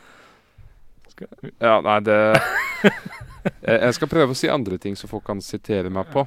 Uh, men jeg syns det er ironisk at uh, man er stolt over at Norge ikke har en adel, Mm. når det er danskene som nedslaktet adelen. Ja. Og så er det jo slik at i veldig mange land så har adelen vært de som har fått ting til å skje. Som har skapt kulturen, som har finansiert teatrene f.eks. rundt omkring. Mm. Ja, det kom mye bra ut av adelen. eh, og så senere borgerskapet, da. Mm. F.eks. i Wien på 1800-tallet, da adelen hadde, adelen hadde mistet veldig mye av sin makt, så tok eh, det jødiske borgerskapet over og finansierte kulturlivet og sånn. Og så, i tredje rekke, så kommer staten på 1900-tallet og tar over. Og det er jo blitt som det er blitt. Men hvis du ser på adelen i Sverige i dag, de har jo adel. I Sverige er det fortsatt adel. Ja, på papiret. De, hva gjør de av kunst i dag? Nei, men Det? Det er, det, er det, er det som skjedde, at det, det sluttet jo på 1700-1800-tallet. Ja. At adelen eh, Det var jo egentlig da adelen over hele Europa forvitret i Altså, det, forble på papiret, men de mistet seg såpass Ja. mye makt og såpass mye innflytelse og såpass mye dannelse. Så kanskje Ja, for Jeg har alltid lurt på hvor er de store kulturpersonlighetene som kommer fra liksom de styrtrike familiene som De som bare kunne hvile på det og bare utvikle seg fordi de hadde penger fra før. De føler jeg liksom borte. Ja, for det var, det var jo det som skjedde, at borgerskapet tok jo over det. Men så kom staten efter det og tok over. Og så har vi havnet i en situasjon i dag hvor den rådende oppfatningen er at staten skal investere i kulturlivet. Mm. Og da forsvinner jo disse disse rike, Dette rike borgerskapet forsvinner jo enda mer i bakgrunnen da, når de blir fratatt masse penger, og det finnes en forventning om at staten skal gjøre de investeringene. Da er vi litt tilbake til Catalina, da, som klagde på at romerne var blitt pattedyr, pattebarn på staten. Ja. De bare lå og sugde pupp av staten. Husker du det, det? ja, ja, det Ja. blir jo slik. Ja. Det må jo bli slik. Det er trist. Forfall. Kulturelt forfall er konklusjonen i dag. Det vil være konklusjonen etter hver eneste gang. Ok, men da, neste gang Hermennene her, Hermendene på Helgeland. Litt Eller hermenn på Helgeland. Litt flere eh, vikingmenn i dette Fire stykket. handlinger. Det blir spennende å se om det er en mann som dominerer, for nå har det vært Inger, og i forrige var det hun på fru Solhaug. Ivrig Ja. på Solhaug, hva het hun igjen? Uh, nå har det egentlig vært kvinneskikkelser i de to siste, som har dominert. Ja, det er jo Margit i forrige. Så nå har det vært Margit og Inger som har dominert i to, to stykker. Det blir spennende å se om det er en av hærmennene på Helgeland som dominerer, eller om det er en kone eller en mor eller elskerinne som dominerer. Jeg tenker at det er en kvinne som dominerer i skyggene der, ja. Ja, fordi det er jo noen som har spekulert i at Ibsen var jo veldig skuffa over sin egen far som gikk konkurs og falt fra borgerskapet og ned i bånden. Ja, At det er derfor han har beskrevet så mange kvinner... Sterke kvinneskikkelser, og han har aldri hatt noe sansen for Han har aldri opplevd noen sterke menn. Hmm. Han mangler en farsskikkelse. Interessant. Det er samme Puccini. Alle Puccinis opera han har en sterk kvinne i hovedrollen. Mangler han en farsfigur, eller? Der, der tror jeg det var litt omvendt. Jeg tror det var hans mor som døde så veldig tidlig. Ja. Så han, eh, så han, det han skriver nesten som et savn. Mm. Han skriver fram igjen det han Men, ikke eh, fikk. men det er interessant i det hele tatt dette med at man At man gjør det mattestykket som det er nesten, å tolke den an det andre kjønn. Mm. Som kvinne å skrive for mann, eller mann å skrive for kvinne. Kanskje det er noe i det. Mm. Det kan vi fundere på. Med de siste ord, Røde, så ses vi om en uke. Vi ses om en uke. Veldig bra.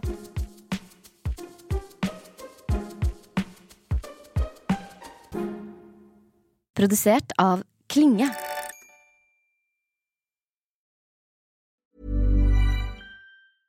Even when we're on a budget, we still deserve nice things. Quince is a place to scoop up stunning high-end goods for 50 to 80% less than similar brands. They have buttery soft cashmere sweaters starting at $50, luxurious Italian leather bags, and so much more. Plus, Quince only works with factories that use safe, ethical, and responsible manufacturing. Get the high-end goods you'll love without the high price tag with Quince. Go to quince.com slash style for free shipping and 365-day returns.